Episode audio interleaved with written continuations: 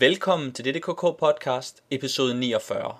Vi er Dan, Jack og Anders, og i dag skal vi tale om superhelte parodien The Boys, om George Lucas debutfilm THX 1138 og om den største danske computerspilsucces Hitman 3 Blood Money. Men først et kort citat. Dog vil jeg lige indskyde, at vores næste podcast, episode 50, bliver en speciel liveudgave, der sendes tirsdag den 17. juli kl. 20.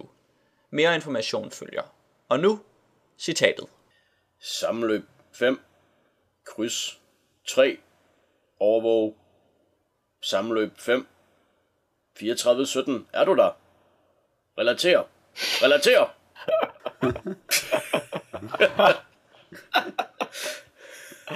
Ej, det var fjollet, Dan. oh, hvad tror du, det var, Jack? Men jeg vil sige, det lød præcis ligesom hele THX 1138. ja. Det gjorde det faktisk. Det var, det var skam også for den. De, uh, du havde den der staccato, Dan. Ja. Som ligesom gør det ekstra afstumpet og lidt mere kedeligt. Ja. og så bare en jævn strøm af nonsens. Ja. ja, ligesom THX 1138. ja. Oha. En jævn strøm af nonsens. Det synes jeg er en god måde at, at komme ind i den her podcast på. Um, fordi vi skal jo i gang med et uh, sådan mindre sociologisk eksperiment og se på, uh, hvad der sker med menneskers identitet, når de uh, bliver skaldet og pludselig får tal som navne. I og med, at vi skal tale om Hitman og uh, Agent, hedder han 48 eller 47? 47. 47. 47. Så skal vi tale om THX 1138, hvor at der er en person, der hedder THX 1138. Og så skal vi tale om The Boys, hvor jeg faktisk ikke rigtig ved, hvem det er, vi, vi, vi relaterer til der. Det er 5 by 5 som er medlem af enten G-Style eller G-Coast. og 5 år er måske også skaldet. Vi, vi ved det ikke. Måske. Vi går ud fra vi ved, det. Ja. Vi går ud fra det. Men øh, det bliver meget spændende at, at følge op på og se, øh, hvad, vi, øh, hvad vi ligesom kan, kan drage ud af, af de her typer og øh, de her forskellige film, computerspil og tegneserier. Um, men inden det, så skal vi som altid tale om, hvad vi har lavet siden sidst. Jack? Jeg øh, har, efter Marks brev sidste gang, så øh, blev jeg helt kod og kom til at købe et indie bundle. Og det skulle jeg aldrig have gjort. No. I hvert fald ikke det bundle, jeg købte, som var et, der hed The Potato Sack Bundle, som var det, der tilfældigvis lige var på tilbud på Steam, lige da jeg var allermest kod. Øh, fordi så fik jeg sådan en masse dårlige spil, som jeg ikke forstår, hvorfor jeg skulle have eller spille. Og jeg vil gerne lige øh, sådan hurtigt gennemgå dem bare i highlights, fordi de er jo indie-spil, så det tager kun 5 minutter, så ved man alt, hvad der er videre om dem. Ja. Øh, og jeg har, jeg har ikke spillet dem alle sammen, og jeg tror især, jeg har spillet de dårlige, fordi det var dem, jeg ikke rigtig vidste, hvad var, og så skulle jeg lige prøve det. Øh, og blandt de dårlige er 1, 2, 3, Kick It, Drop That Beat Like an Ugly Baby, som er sådan et spil, der kan lave din musik om til baner, som man så kører igennem som en demo-tunnel. Og det er, det er rigtig kedeligt, og man ved ikke helt, hvorfor man gør det, men man kan altid uh, bruge Ministry som banerne, og så er det alligevel lidt fedt at spille det. Okay. Så har jeg spillet uh, ah, ah, ah, ah, for the Awesome, uh, eller A Reckless Disregard for Gravity, som er lavet de samme som 1, 2, 3 Cricket, uh, og der tror jeg nok, at man skal hoppe ud over en kant, og så skal man falde ned igennem sådan nogle ting. Så cirka det samme som i Kicket, men øh, jeg kunne ikke få det til at virke, fordi hvis man har sat en controller til sin computer, så øh, kører musen bare sådan op hele tiden, så man kan kun kigge op i luften, og så kan man ikke spille spillet, fordi man falder nedad, så man er nødt til at kunne kigge nedad. det gad jeg ikke øh, bruge særlig meget tid på. Øh, så har jeg spillet Audio Surf, som er lidt det samme som det andet spil, bare øh, bedre, hvor man er en lille racerbil, der kører på en bane, som er lavet ud fra ens musik, og øh, det var sådan set sjovere at spille der kunne man gøre mere, og det var sjovere at spille det, og man kunne høre Ministry, og så kunne man se, at jeg nu er Danmarks mester i Ministry Audio Surf. Så det var rimelig fedt. Ej, tillykke med det. Rimelig fedt. Godt klaret. Og øh, hvis nogen af lytterne har Audio Surf, så synes jeg da, at de skal udfordre mig i Houses of the Malay. øhm, så det, det er sådan set meget godt. Det er et fint lille spil, og så får man også at høre Ministry og køre i sådan en lille bil. så var der noget, der hed The Ball, som var... Uh, et fysikbaseret spil, hvor man skal skubbe rundt med sådan en stor kugle, og så skal man hive den og skubbe den, og lægge den på ting og trille den hen over ting og igennem ting og sådan noget. Og ja, vi, kan jo alle sammen regne ud, hvad jeg mener om det. så var der noget, der hedder Bittrip Beat, som laver øh, ens musik om til breakout-baner, ish, eller sådan, måske en primitiv pong eller sådan noget, hvor der kommer sådan nogle kugler flyvende, og så skal du ramme dem med dine plader og sende dem tilbage, så bliver det til musik. Øh, nej, det er ikke ens eget musik, det er deres musik, som det kommer efter. Og det var virkelig kedeligt. Øh, så var der Cox, som er sådan et hyggeligt lille... Øh, I ved godt, dem, de der plader, hvor der er sådan en tom plads, og så skubber man felter ja. rundt og skal lave et billede. Mm. Bortset fra, ja. her er det sådan nogle tandhjul og rør og sådan noget, som man skal koble sammen på forskellige måder. Og det var sådan set et fint lille puzzlespil, men det var også bare et fint lille puzzlespil. Mm. Øh, så var der noget, der hedder Rush, hvor man skal lægge sådan nogle pile på jorden, så sådan nogle kasser, der kommer trillende, de triller de rigtige steder hen. Ligesom sådan en, øh, en rimelig primitiv lemmings. Og det var også øh, kedeligt. så det var det, man jeg havde spillet. Og det er sådan måske lige over halvdelen af pakken. Så nu har jeg kun ja, okay. resten tilbage. Øh, hvilken, øh, altså var der en, en speciel grund til, at du tog dem i den rækkefølge, du gjorde, og valgte de spil, du valgte, eller var det bare helt tilfældigt? Øh, det var alfabetisk rækkefølge, altså dem, jeg ikke kendte. Så for eksempel Amnesia The Dark Descent, som var grunden til at købe det, har jeg til gode. Øh, og okay. jeg har også sprunget over Killing Floor, fordi det har jeg prøvet. Og Super Meat Boy kender jeg også lidt. Ja. Så dem har jeg ikke spillet endnu, fordi det ved jeg, hvad er. Nå, så du blev ikke øh, overrasket over, eller hvad, vil du stadig sige, at det er en ok deal for pengene? Nej, eller hvordan vurderer det synes jeg slet ikke. Okay. Jeg synes, jeg synes, det er åndssvagt at købe alt det klotter til en Steam library. Og jeg synes, det er åndssvagt, at jeg har givet penge til nogle spil, som har lavet et, til nogle folk, som har lavet et spil, som jeg egentlig ikke synes, de skal have penge for at have lavet. Jeg har, ikke, jo... øh, jeg har ikke brug for sådan uden videre bare at støtte vækstlaget i computerspilsindustrien. Det er jeg sådan set ligeglad med.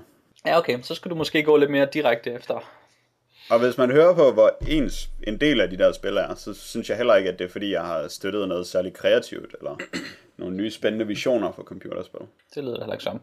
Og det har den der, øh, altså det er meget moderne at lave sådan nogle, sådan nogle indie-spil, som er lidt mere øh, procedural og øh, har nogle lidt andre metaforer. Men altså ellers så er det vel ikke så forskelligt som sådan noget, øh, hvad hedder det, dem der laver sådan noget Dinner Dash og Bejeweled og sådan noget. Nej, det tror jeg ikke. Altså dem, dem og, som vi ikke, dem, som vi ikke anser som indie, men som laver små spil, som, som udkommer og som folk øh, giver en lille smule penge for, og så har de en, en, en, en fin indtægt i og med, at de laver en masse små, dårlige spil. De er ja, bare ikke men lidt... også folk, der laver hjemmesider med spil på, hvor de så har reklamer, og så kan man tjene penge på det. Det synes mm. jeg, at der var flere af de her spil, der var, burde have været et gratis spil på de hjemmeside. Hvor der så var et banner ved siden af, som min adblock ville have taget sig af. Og så kan jeg spille det uden at betale for det. Ja, ja. Det lyder godt. Hvad siger du, Dan? Hvad har du lavet? Jeg har øhm, prøvet at, at get with the program og være lidt cheap. og øh, jeg har så endelig fået sit drive. og, og The Program, det er Gusling-film, eller hvad? Øh, noget i den retning. Altså, ja. men, øh, men, det var øh, det mest hippe, du kunne finde på. Det var det mest hippe, jeg kunne finde på. Og øh, det var jeg glad for, at jeg gjorde. Jeg synes, det var en god film. Og jeg var imponeret over, at han kunne gøre den gyslige skorpionjakke, han er på, cool. Ja. så, øh, så det var ret fedt. Den minder mig lidt om uh, alligator. Er det en alligatorjakke, han har i Wild at Heart? Nej, det tror jeg, det er faktisk, ja. Et symbol of his individuality. Ja. tror jeg hele tiden, han siger i den film. det mener jeg, det er rigtigt. Ja. Og uh, ja, det er nok lidt det samme med skorpionjakken her. Mm, og de har begge film har uh, lilla uh, intro-tekster. Så uh, der er helt sikkert noget der, slår det mig lige. Ja, det tror jeg ja. faktisk, du er ret i. Nå, men hvad så? Hvad, hvad synes du om den? Var det en medrivende thriller? Øh, ja, det vil jeg egentlig sige, det var. Jeg, jeg synes, han var, øh, Ryan Gosling, han var, han var faktisk ret interessant, og øh, jeg kunne godt lide, at, at han ikke behøvede at sige så meget, men at man stadigvæk ligesom var interesseret i, hvad han, øh, altså han, han var interessant stadigvæk, altså selvom han ikke sagde så forfærdeligt meget. Og jeg synes, det var en fed kontrast, at filmen var, altså handler jo meget om at køre i bil, og så var den egentlig så laid back på en eller anden måde. Øhm, hvis, man, hvis man sammenligner den med sådan en typisk, øh, nu kører vi hurtigt i bil, Fast and the Furious crap, så er det en meget hektisk, meget larmende film, hvor den her sådan er, er afdæmpet til, øh, følte jeg i hvert fald, da jeg så den. Og det synes mm. jeg, der var, øh, det synes jeg egentlig, det var ret fedt, at de kunne få det til at fungere. At den er klippet meget roligt. Ja. Men det er også meget øh, sådan, hvad kan man sige, meget et, et, et, et et godt eksempel på filmen er den der startscene, hvor han skal være, øh, hvor han skal være flugtbilist. Ja. Og så den måde, han er flugtbilist på, det er ved bare at køre mega langsomt. Ja. Og sådan have rolige bevægelser. Ja. Han keeper sit cool. Ja. Det er ligesom, så sætter de ligesom et, et tempo i filmen. Det synes jeg også, det kunne ja. jeg godt lide. Ja, så det var, det var ret fedt, synes jeg. Det var, jeg var glad for, at jeg fik set den. Og noget super fed vold. Ja, der er også god vold i det, helt sikkert. Ja. Jeg har, øh, som lovet set 10 film, hvoraf øh, fire af dem var musicals. og alle fire musicals var mellem to og en halv og tre timer lange. Um, og ingen af dem var særlig gode. Så du har det godt. Mm, nej, det tror jeg ikke. Jeg, øh, jeg kan virkelig ikke lide musicals. Det kunne jeg heller ikke inden. Og generelt så kan jeg ikke lide scenekunst. Um, eller ting, der sådan kommer i den retning. Så jeg vidste godt, at det ville ikke være godt. Og så fik jeg det bekræftet. Men det startede faktisk meget godt med West Side Story, som, øh, som vandt øh, prisen for bedste film i 61 øh, ved Oscar'ne. Um, øhm, som faktisk har sådan en rigtig fed start, hvor den uh, laver en masse jazzballet, og sådan har sit helt eget, sit helt eget sprog. Og de synger ikke, men de danser bare til musik. Og det virker mega godt. Um, men det er så for, forholdsvis simple ting, der skal bare fortælles om to forskellige bander, og hvordan de er op mod hinanden i den der Romeo og Julie historie, som det jo handler om. Ja. Og det virker godt. Så, så kommer de længere ind i filmen, og så skal de til at prøve at fortælle noget. Og så begynder de bare at synge, hvad de føler. og så går der så lige halvanden time, to timer med det. Og det, det er bare ekstremt dårligt. Det er ikke din favorit måde at udtrykke følelser på. Nej, det er det. Og så så jeg så lige 7-8 timer mere, hvor de sang, hvad de følte. Uh, og så synes jeg, jeg havde fået nok af det. Ej, det er en hård chance, det vil jeg sige, det er. Ja, det er det. Men altså, hvis man endelig øh, vil, vil kigge på det der musical, så vil jeg anbefale, at man, øh, man ser West Side Story. Um, og hvis man så også synes, den er god, så er det nok Sound of Music, som er den næste, man skal kigge på. Sound of Music har lidt sådan noget sjov kitsch-værdi. Ja, og så har den jo sådan set nogle gode sange. Um, den har bare ikke særlig mange, men så synger de dem alle sammen to-tre gange igennem filmen.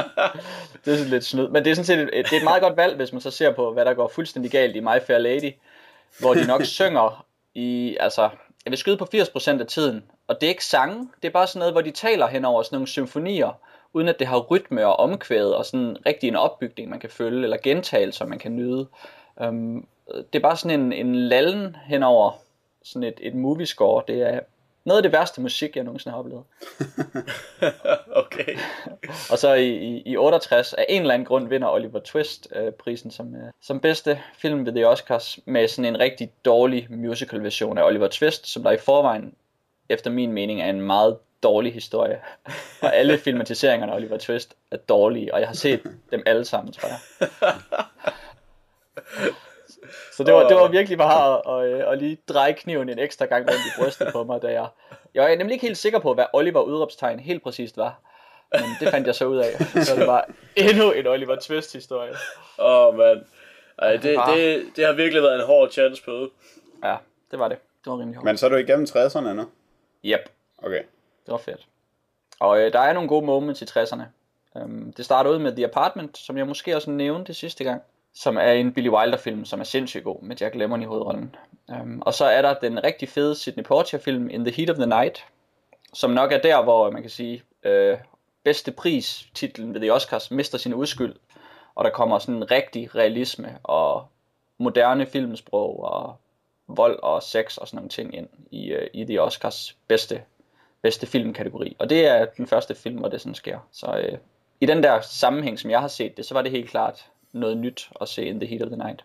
Og det fortsætter så også med, med Midnight Cowboy i 69, som er lidt på samme måde. Måske en del mere ekstrem faktisk. Så er udskylden helt væk. I 69. I 69, ja. Og så er man selvfølgelig klar til de vilde 70'er. Det bliver fedt. Der er det Dirty Harry, der vinder hvert år, ikke også? ja, det håber jeg æder med. Nej, det er det ikke. Jeg tror, det er godt, fader. Ah ja, muligvis ja. Men uh, ja, Jack, hvad har du lavet? Hvis du har lavet mere? Øh, jeg har et, apropos film uden us- uskyld, så har jeg set uh, Human Centipede 2. oh, ja. Og den er vildt god.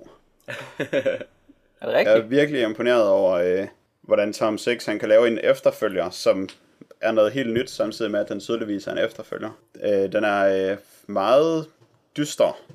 Han har lidt droppet det der med... Uh, man griner ikke så meget af den, som man kunne gøre af etteren, hvis man havde lyst og det er tydeligvis et bevidst valg, han har truffet. Øhm, og ham, der spiller hovedrollen i den, han er øh, et helt fantastisk fund fra britisk børnetv. Han er simpelthen så... Øh, altså, han er lige så god som Dieter Laser til bare at være sin helt egen skurk, som er noget fuldstændig anderledes. Så det var vildt fedt. Og alle, alle body horror redslerne er også sådan ekstreme på den samme måde, men samtidig mere ekstreme og gjort mere ubehagelige af, at det er en ubehagelig film virkelig ubehageligt at se på mange forskellige planer, og det er jeg meget imponeret over, at han kunne gøre. Jeg har meget stor respekt for ham, og jeg er fuldstændig forbaffet over, at den ikke har fået mere end 4,1 på IMDb. Det er, øh, det er et mesterværk. Ja, okay, men Se det lyder den. jo som en, Hurtigt. som en umulig tor. Ja, Jeg tror, det jeg det, tror nemlig. det var det, vi kom frem til, da vi talte om etteren i en episode for, det ved jeg ikke, nogle måneder siden. Ja, lang tid siden. Ja. At det Ja, det virkede troede som jeg den også, det umulige. ville være. Wow, jeg er imponeret, Jack. Det, jeg tror også, jeg er nødt til at se den så. Men øh, så du den alene, eller i selskab? Jeg så den sammen med to andre. Okay, gjorde, og tror du, det, det er en fordel? Øh, Som sidder og være grossed out med nogen. Nej, altså, det, altså jeg tror, det er en fordel i forhold til, at det ikke bliver for ubehageligt, hvis man, øh, hvis man måske ikke lige har tærsklen til at se den alene. Altså jeg tror, den ville være mere ubehagelig at se alene. Men den kan sagtens være ubehagelig nok, selvom man ser den sammen med to andre. Og det var i hvert fald ikke fordi... Øh, ja, altså det var ikke fordi, den blev sjovere af det eller sådan noget, eller at det var fordi, man hypede den op til at være noget mere. Men det er selvfølgelig fedt nok at se, hvordan andre mennesker også reagerer på den. At de også synes, den er vildt ubehagelig. Ja, jeg ved ikke rigtig, jeg har ikke rigtig lyst til at spørge ind til den, fordi jeg tror, jeg gerne vil se den, og jeg vil ikke rigtig vide noget om uh, ham der skurken, der lyder interessant, før jeg ser filmen. Ja, Nej. jeg er også lidt, øh, jeg er også lidt intrigued. Ja. Jeg ser heller ikke nogen grund til at afsløre mere. Okay, jamen Det uh, eneste, man Dan, skal vide, er, at den er 100% medically accurate. Ja, det er noteret. Dan? ja. Jamen, øhm, fra 100% medically accurate til 100% øh, hvad kan man sige, rod, så har jeg, så har jeg set øh, Green Lantern. for, for, for stadig at være ung med de unge. og det er lidt ligesom, det er lidt ligesom hvis man, hvis man ser en, så en fjerde klasse, der får fri, og så løber de alle sammen ud af døren på samme tid, og så sidder de sådan fast i døren og råber og skriger. det, var- det, var, det var sådan min opfattelse af Green Lantern. Åh, oh, intenst. Hvis, hvis filmen så kun var et kvarter, så er det vel okay. ja, desværre så var den de der en time og 35 eller sådan noget. Så øhm, de har virkelig proppet den med alt muligt. Alt, alt skal med nærmest, og, øh, og øh, ja, hvis det kun er i 4 sekunder, så skal et eller andet andet også med, og wow, der er mange planeter, og der er 3000 sektorer i galaksen, men det er lige meget, fordi nu er han her, og han skal gøre det her, og glem, hvad, du, hvad der lige skete, for det er ikke vigtigt, men det var vildt fedt garanteret, yeah! Så, så det var, det var godt nok, det var godt nok noget rod. Så det var ikke kun Ryan Reynolds, der ødelagde den. Nej, jeg vil sige, at, at manuskriptet, øh, det var, det var noget, ja, det var fjollet, og jeg ved ikke, de skulle have klippet halvdelen af den fra, eller sådan noget. altså lige bare, jamen bare lige et lille kvarter, hvor, ja, det var fint egentlig. Og så bare lægge det på YouTube. ja, noget af den retning. Men altså, det var vel også det, du havde forventet. Ja, det var det. Så altså, jeg havde meget lave forventninger, og så hvad kan man sige, sammenlignet med det, så vil jeg sige, at øh, skurken Hector Hammond, han var, øh, han var egentlig øh, bedre end forventet. Så det var, det var lidt fedt, trods alt. Hvem spiller han? Øh, han er, øh, hvad hedder det, øh, han er spillet af Peter Sarsgaard, Nå, og det er jeg ham, ved der ikke, bliver... hvem han er, skurken, så. Ja, nej, men det er ham, der bliver til Parallax i, i filmen. Hva? Eller han bliver... Det er da Hal Jordan, der bliver til Parallax. Ja, det er det, men de kan jo ikke, de kan jo ikke have den gode blive ond, jo. Hva? nu er jeg endnu mere skuffet. Ja, Jamen, det, det vil du helt sikkert være, hvis du så den også. Ja. Jamen, jeg tror, uh, Green Lantern og Fantastic Four, dem overlader jeg til dig, Dan. Ja, Jamen, det er... Jeg, åbenbart tager jeg imod dem. Jeg ved ikke hvorfor, men... Jeg har simpelthen øh, ikke brug for at vide noget som helst om, hvad der sker i de film. nej, det er der ikke Ej, nogen, Dan, der der, må- der, må, der må være én ting, der var fed. Ja, altså, ham der Hector Hammond, spillet af Peter Sarsgaard, han var lidt klammere, end jeg havde regnet med, at de ville lave i en PG-13-film. Hvordan? Uh, han var sådan ulækker at se på. han er sådan... Han er sådan Så er øh, gurlet. Ja, men han er sådan vandskabt, og så det har de faktisk gjort ret fedt. Og så øh, ja, han sådan, øh, hvad hedder det, som, som person, før han ligesom får powers, så er han sådan helt vildt øh, underkudet af sin far, og helt vildt petty. Og øh, så når han så bliver vandskabt og får de her evner samtidig med, så er der på sådan et tidspunkt, hvor han, øh, hvor der er nogen, der ligesom vil prøve at, at hjælpe ham, eller kurere ham, eller sådan noget. Og så i hans forfærdelige dobbelthager og øh, deforme kranie, så smiler han sådan helt vildt ulækkert smil. Og øh, det var et fedt øjeblik. Fedt. Ja. Har Jeff Johns haft noget med filmen at gøre? Ja. Selvfølgelig. Jeg vidste. Ja. Jeg vidste. Han er, Han ødelægger alt. Han er for mange kokke, Jeff Johns. det er simpelthen forfærdeligt. Fordi for mange kokke, de fordæver ikke bare maden, de ødelægger alt. De ødelægger alt. Fremragende. ja. Jeg har set øh, en, øh, en japansk anime, der øh, hedder Sakamichi no Apollon, eller hvordan man nu skal sige det på japansk, eller som de øh, dejligt har oversat det til engelsk, Kids on the Slope. Um, og øh, jeg så den, fordi at øh, det var en anden en øh, japaner, der har instrueret den, eller lavet den, eller hvad man siger helt præcis med, med, med anime, um, som er den samme instruktør, der har lavet øh, Cowboy Bebop. Um, og så er det øh, hende, der har lavet musikken til den her, øh, den her anime, er så også den samme, som lavede musikken til Cowboy Bebop, som for mig at se nok er noget af det bedste anime, og derfor så var jeg nødt til at se det her Kids on the Slope. Og det har været sådan en meget, meget blandet oplevelse, fordi at at det er den, den vildeste, sådan angsty, sødsuppe, teen, high school, uh, love drama, der udspiller sig over de uh, 10 episoder, jeg har set indtil videre. Hvor de her, uh, de her folk, de knap nok kan have øjenkontakt med hinanden, og så er de ved at springe i luften i, i, i gråd og følelser, fordi at det hele bare er så tæt. Og de ved ikke rigtigt, hvem det er, der elsker hinanden, eller hvem de selv elsker, men der er helt klart mange, der elsker hinanden, og det er frygteligt og fantastisk på samme tid. Um, og det er sindssygt hårdt at se, men så på den anden side, så har den den her ting med, at den foregår i 60'erne, og den handler om jazzmusik.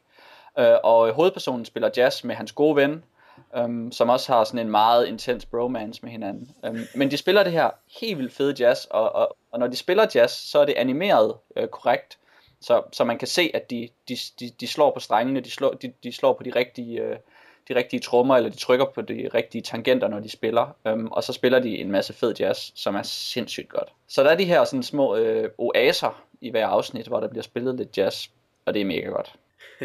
Det er fedt med jazzen, at den er korrekt.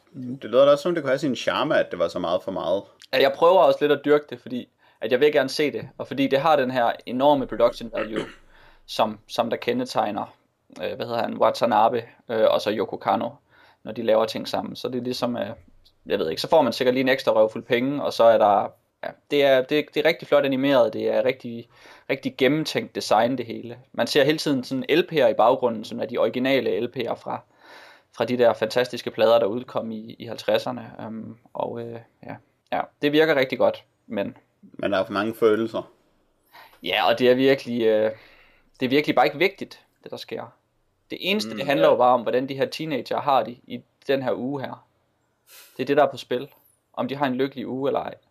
Og, altså, Det kan nok godt blive lidt kedeligt i længden. jamen altså, når, man reflekterer over, hvad der, der foregår i sådan nogle, sådan nogle love dramas, så er det jo bare det, der sker. Altså, det er ikke rigtigt nok. Hvis der var noget mere på spil, hvis de var sultne, eller ikke havde noget arbejde, eller et eller andet, et eller andet vildt fedt, så, Så- så ville jeg være, Så var du så solgt. ville jeg sidde på kanten af stolen hele tiden, og Ja. mine fingre. Som det, som det jo meget var i Cowboy Bebop. Hold kæft, var de sultne i den, ikke? Det var helt fantastisk. det er de godt nok. Men, øh. men ej, det er rigtig godt, og der er specielt, jeg tror det er afsnit 7 eller 8, hvor der er sådan en koncert, de spiller i sådan en, øh, til sådan en skolefest, hvor det er, bliver sådan en helt vildt episk koncert, og det er bare det fedeste jazz, de spiller, og det er, det var virkelig godt. Det er helt sikkert for kuldegysninger lige nu. Sejt. Så jeg synes, Wow. der er noget at komme efter. Um, men øh, men jeg, jeg, jeg kan sgu ikke anbefale det helt. Du har måske anbefalet den nok. Ja, Jeg er i hvert fald interesseret ved at sige. det var det. Den er jo under alle omstændigheder interessant, fordi den har den her production value. Jeg tror, at øh, det var det, vi har for runden, medmindre nogen af jer har noget meget vigtigt, I er nødt til at sige. Det har I ikke. Så øh, Dan, det der The Boys, hvad er det? Det der, det der The Boys der, ikke? Det er, det er en tegneserie fra 2006, og den kører stadigvæk. Den slutter med issue 72 eller sådan noget, som, som er inden længe, at den når op på det. Men øhm, den er øh, skrevet af Garth Ennis, som man måske kender fra Preacher eller Punisher Max, og illustreret af Derek Robertson, som nok er bedst kendt fra øhm, at have- illustreret øh, Transmetropolitan. Og øhm, den kommer på Dynamite Entertainment forlaget. Øh, oprindeligt startede den på Wildstorm, men så skiftede den. Og øhm, den er øh, den omhandler den her øh, CIA øh, Black Ops gruppe ved navn The Boys, som består af The Frenchman og Mother's Milk, The Female, Billy the Butcher, og så den nyeste øh, tilføjelse Wee Huey, som er sådan en skotsk øh, fyr, som er sådan, ligesom er hovedpersonen i serien. Der er også en hund. Der er også en hund. Der er også øh, Terror, øh, Billy Butchers hund. og øh, den verden, der det foregår i, det er en verden, hvor der er superhelte, og de er alle sammen nogle forfærdelige røvhuller. Øh, nogle af dem er bare jerks, nogle af dem er sådan decideret onde og lede, og, øh, og øh, der er behov for at regulere dem. Og The Boys, det er ligesom dem, der regulerer den her øh, superhelte, øh, superhelte community. Og nogle gange betyder det uh, lidt spionage og lidt overvågning, og andre gange så betyder det, at de må gå ind og, øhm, øh, og uh, tage nogle superhelte ud. Uh, The Boys har også alle sammen superkræfter, og de er sådan ikke så, ikke så forfærdeligt defineret, men det er mere, at de, de har lidt de her øhm, ja, stærkere og hurtigere og kan tåle mere skade og sådan nogle ting.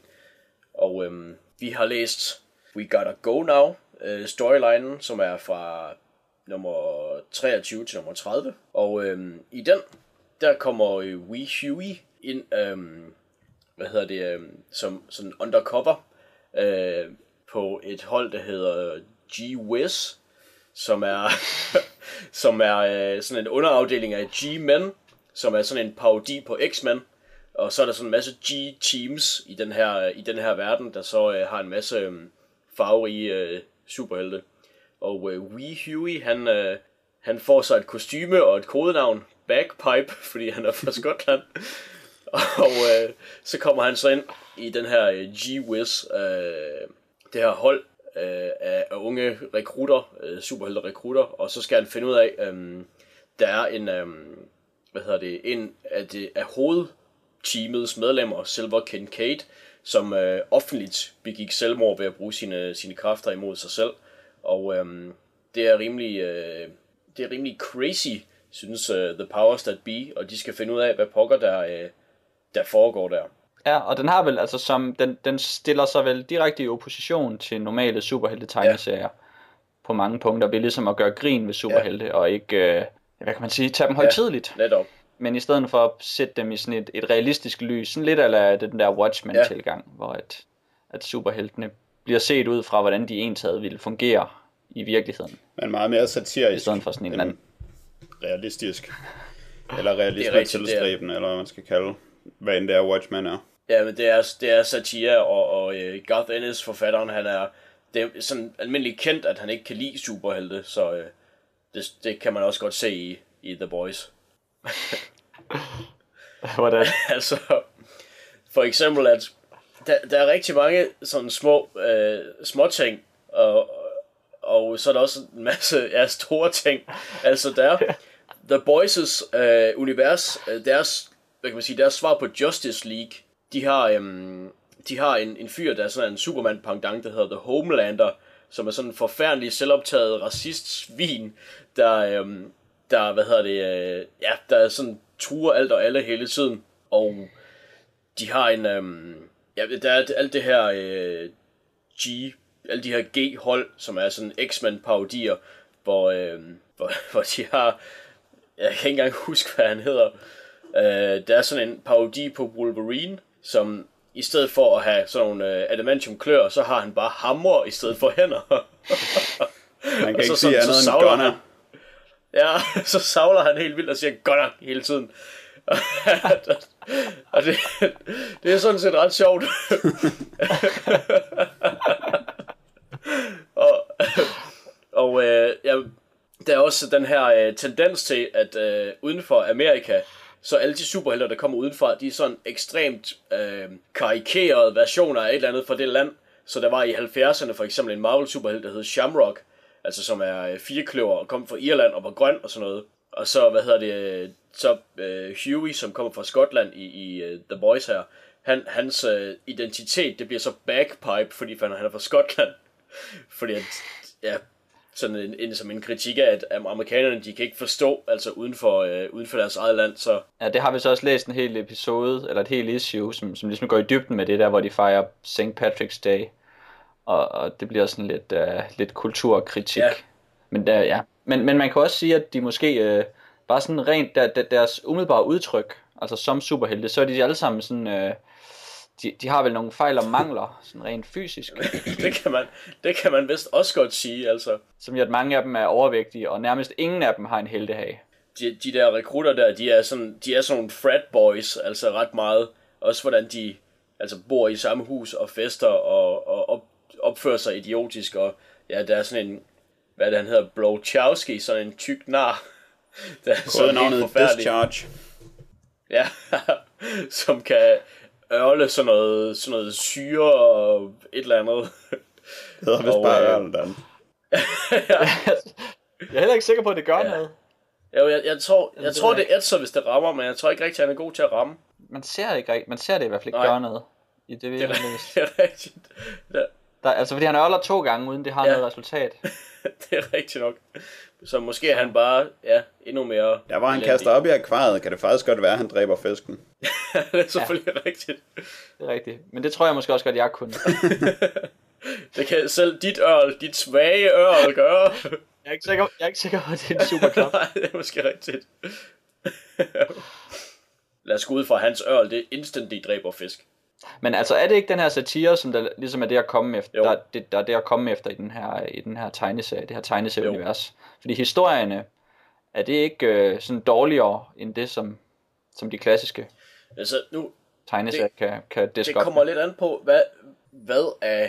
Øhm, hvad er The Boys du læser? Fordi We Gotta Go Now, den, er ikke, den har ikke en specielt fantastisk historie, men jeg synes, at hvor serien starter, for eksempel, ja, ja, ja, det er lang tid siden, jeg har læst det. Jeg har, jeg har læst det meste af det dog. Øhm, men jeg synes, der var nogle ret fængende storylines en gang imellem i, uh, i The Boys. Okay, så det her må, måske var en af dalen. Ja.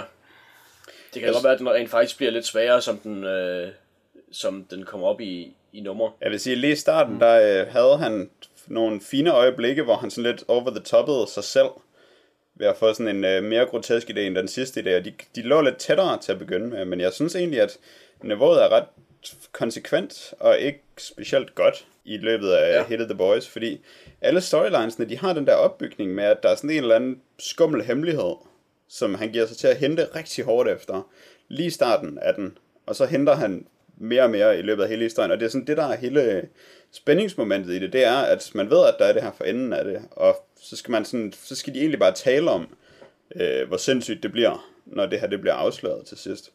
Og så har han virkelig svært ved at levere et payoff, der er sindssygt nok til det. Ja. Ja, for det var da et, et nærmest et, altså jeg, jeg anså det lidt som sådan en satirisk antiklimaks, det som den her slutter ja. med. Um, fordi det, det var jo ikke på nogen måde overvældende eller interessant. Det var ikke fordi, der var nogen, man havde investeret noget i, der blev dræbt. Vores hovedpersoner var ikke rigtige, de var bare sådan perifært tilknyttet den slutning. Ja. Som i at de bare stod og kiggede på, at der var nogen, der dræbte dem. Ja, de havde ikke nogen indflydelse på noget, og det betød ikke rigtig noget, hvad de havde lavet hele tiden. Det var kun en måde Ja. sådan at opbygge øh, hype om den her forfærdelige hemmelighed, der ville blive afsløret til sidst.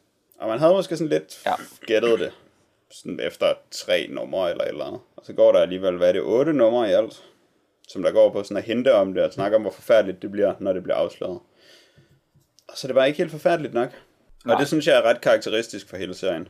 Ja, altså det, det hint, som man får i starten, det er der, hvor der står nogle tilfældige personer og pakker våben ud i sådan et lager. Nå, nej, men det er slet Og ikke taler det, om, hvad man dog skal det er bruge slet af de ikke her- det plot, jeg taler om. Jeg taler om, øh, hvad The G-Mans mørke hemmelighed er. Nå, okay.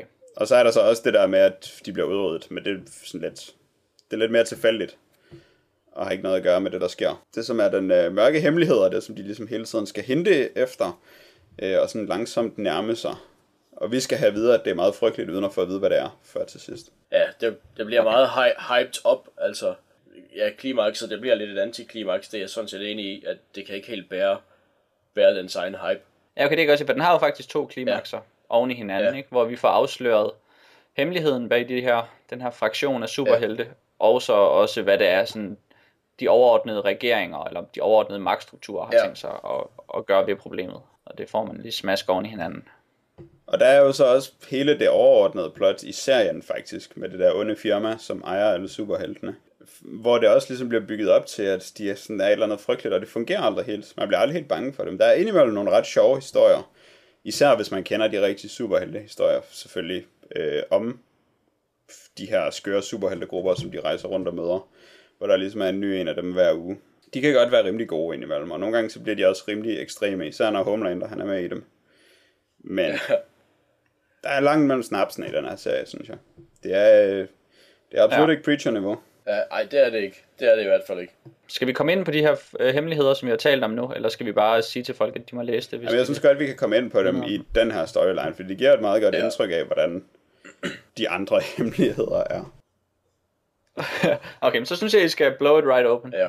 Det gør du, Dan. Jamen, der er jo øhm, The Boys' parodi, eller pangdang til øh, Professor Xavier, som er ham her, John Godolkin. Han er så en, øh, han er så en child molester. Det er ligesom hemmeligheden. Wow. Ja. Det, det, det, som lytterne ligesom føler nu, det er sådan lidt... Hvad skete ja, der lige? Åh, åh, oh, mand. Ja, det er lidt det. Øhm, men altså, jo, men det, det er jo selvfølgelig, altså, det er selvfølgelig træls og sådan noget, men det er bare, altså i forhold til, hvor meget de bygger det op, ja, så når det ligesom bliver afsløret, at han har så misbrugt de her øh, unge øh, superhelte, så, ja, altså, det, og hvad så, sidder man ligesom og siger, altså, Det er faktisk, det er lige så chokerende, som det du sagde Ja. ja. for, for 25 sekunder Ja. siden. Altså man sidder bare, nå okay, så det er han. Ja. Altså hvad er, hvad er det lige præcis, der er den dramatiske værdi Og jeg her? tror, til Hvad det betyder det for noget som helst? øh, var cirka lige så godt i tegneserien, som det var her i podcasten.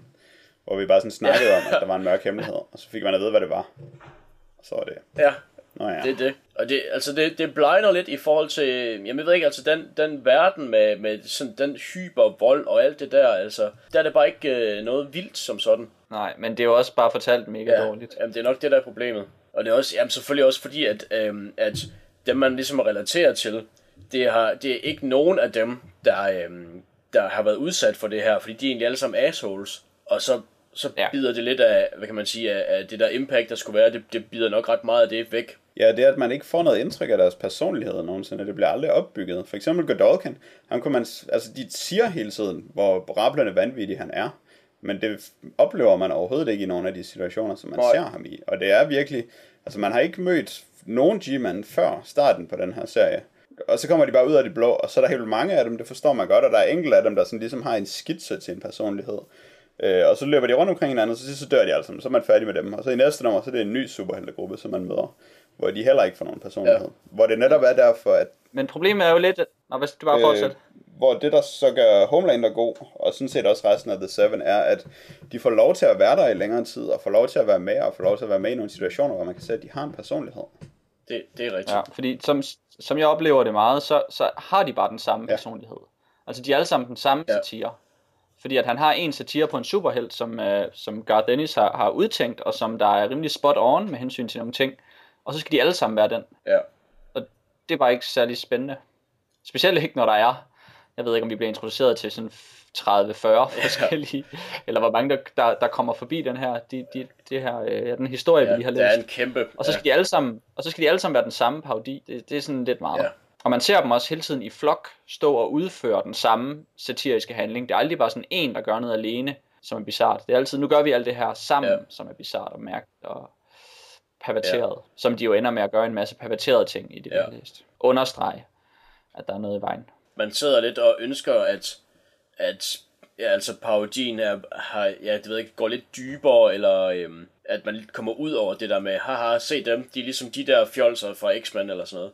Og at der sker noget mere med det, fordi den, den personlighed, som alle superheltene har her, det er jo den samme, som de har haft i de 22 foregående numre. Måske lige bortset fra The Seven. Og det er også derfor den historie, hvor øh, Wee Huey han bliver sendt ud for at udspionere Super Duper. Den er faktisk også ret god, fordi de er lidt nogle andre... De, de deler ja. en anden personlighed end alle de andre superhelte. Ja, Ja, Okay. Den anden ting, som der falder mig lidt for brystet med den her serie, det, det er jo så hele den her, øh, den her omfattende politiske ukorrekthed, ja. som er ud Den over er rimelig omfattende. Hvordan, hvordan synes I, det virker? Ja. altså, er det så meget, at man bliver tonedøv? Øhm, specielt når man læser det fra starten af. Øh, er der så en progression i det? Fordi nu blev jeg bare kastet ud midt i det her, og så, så blev der bare øh, fyret gaysløs af øh, ind ad en kant, øh, cirka på hver side.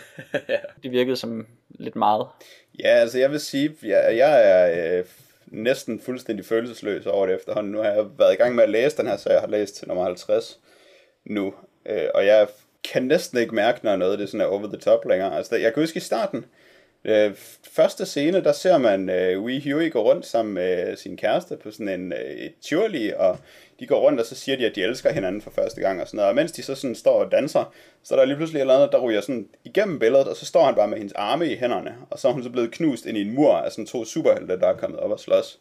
Og det var sådan, at det, det var overraskende, og det var sådan ekstremt, og det var voldeligt, og det var fedt, og det virkede som øh, et godt blik på, hvordan det er at være dem, der står rundt om superheltene. Men så holdt den jo ellers bare det niveau konstant, uden rigtig at ændre noget på det, eller øh, at justere rytmen, så man indimellem stadig kunne mærke det. Ja. Der var lige det der med, at øh, de der billeder af Homelander, der boller et spædbarn midt over. Der toppede han vist lidt sig selv igen, men der, igen, der er langt mellem snapsene, og det hele bliver meget sådan en grå masse af den samme personlighed og den samme politiske ukorrekthed. Ja. Jeg tror måske, Garth Ennis er blevet en gammel mand. det er faktisk muligt, ja. Ja, fordi altså, jeg synes, det mest, de, de fleste situationer virker som sådan et, der er altid sådan et, et mikro-setup i hver, øh, i, i hver sådan, hvis du har to paneler ved siden af hinanden, og der er en serie taleboble derimellem, så skal der være et setup til, at en eller anden kan bande hele tiden. Ja. Øhm, for eksempel af en eller anden grund, så er der en eller anden, der lige skal nævne, at han hørte en hund eller en kat larme om natten, og så kan man lige få lov til at bande over det, og så kommer der lige en masse saftige bandeord i forbindelse med det med den kat. Og sådan er det hele tiden, at, at det er som om, at, at hele sproget, hele måden at, at fortælle på, er bygget op omkring, at der skal være de her pladser, som man kan fylde ud med bandeord i alle dialoger hele tiden. Og jeg synes bare, det var enormt trættende og enormt meget spild af tid at skulle se på de der sådan mikro setup payoffs, som var hele vejen igennem, så man kunne få bandet så meget som overhovedet muligt i alle situationer. De snakker i det hele taget. altid et eller andet i vejen. Ja, det gør Ja, de snakker faktisk en del. Og jeg, jeg ved ikke, om, om Garth Ennis han har været sådan holdt en masse bandeord inde, når han har arbejdet for, øh, ja, for DC Comics eller Marvel eller sådan noget, så har han bare følt, at han er nødt til at bande helt vildt, når han så kan komme til det for, for det her selskab. Men altså, han, ja, altså der er virkelig mange, ja, svinkeærner på den der, øh, på den der måde, du siger på det med, at han, ja, så skal der lige bandes lidt over et eller andet, og så jeg kan godt forestille mig, at så kan Garth Ennis sådan sidde lidt bag ved computeren og sidde og fnise lidt over det her banord, han lige har fundet på, eller sådan noget. Og, øhm, Ja. og, og det er ikke altid, øhm, det, det er ikke altid så skide sjovt for læseren. Nej, det er bare ikke særlig sket. Altså, der, der er ikke nogen værdi i, at nogen siger fucking. Ja. Altså, det betyder nul og niks. Nu kan lige så godt sige nød. Ja. Jeg har dog bemærket, at mens jeg har læst The Boys, der er jeg kommet til næsten udelukkende at tænke i ordet fucking. Det er bare det eneste, jeg tænker, hver gang jeg skal formulere noget i mit hoved. Så det er bare fucking. Så det var meget sjovt. ja. ja det er meget sjovt. Jeg synes, du skal holde det ved det.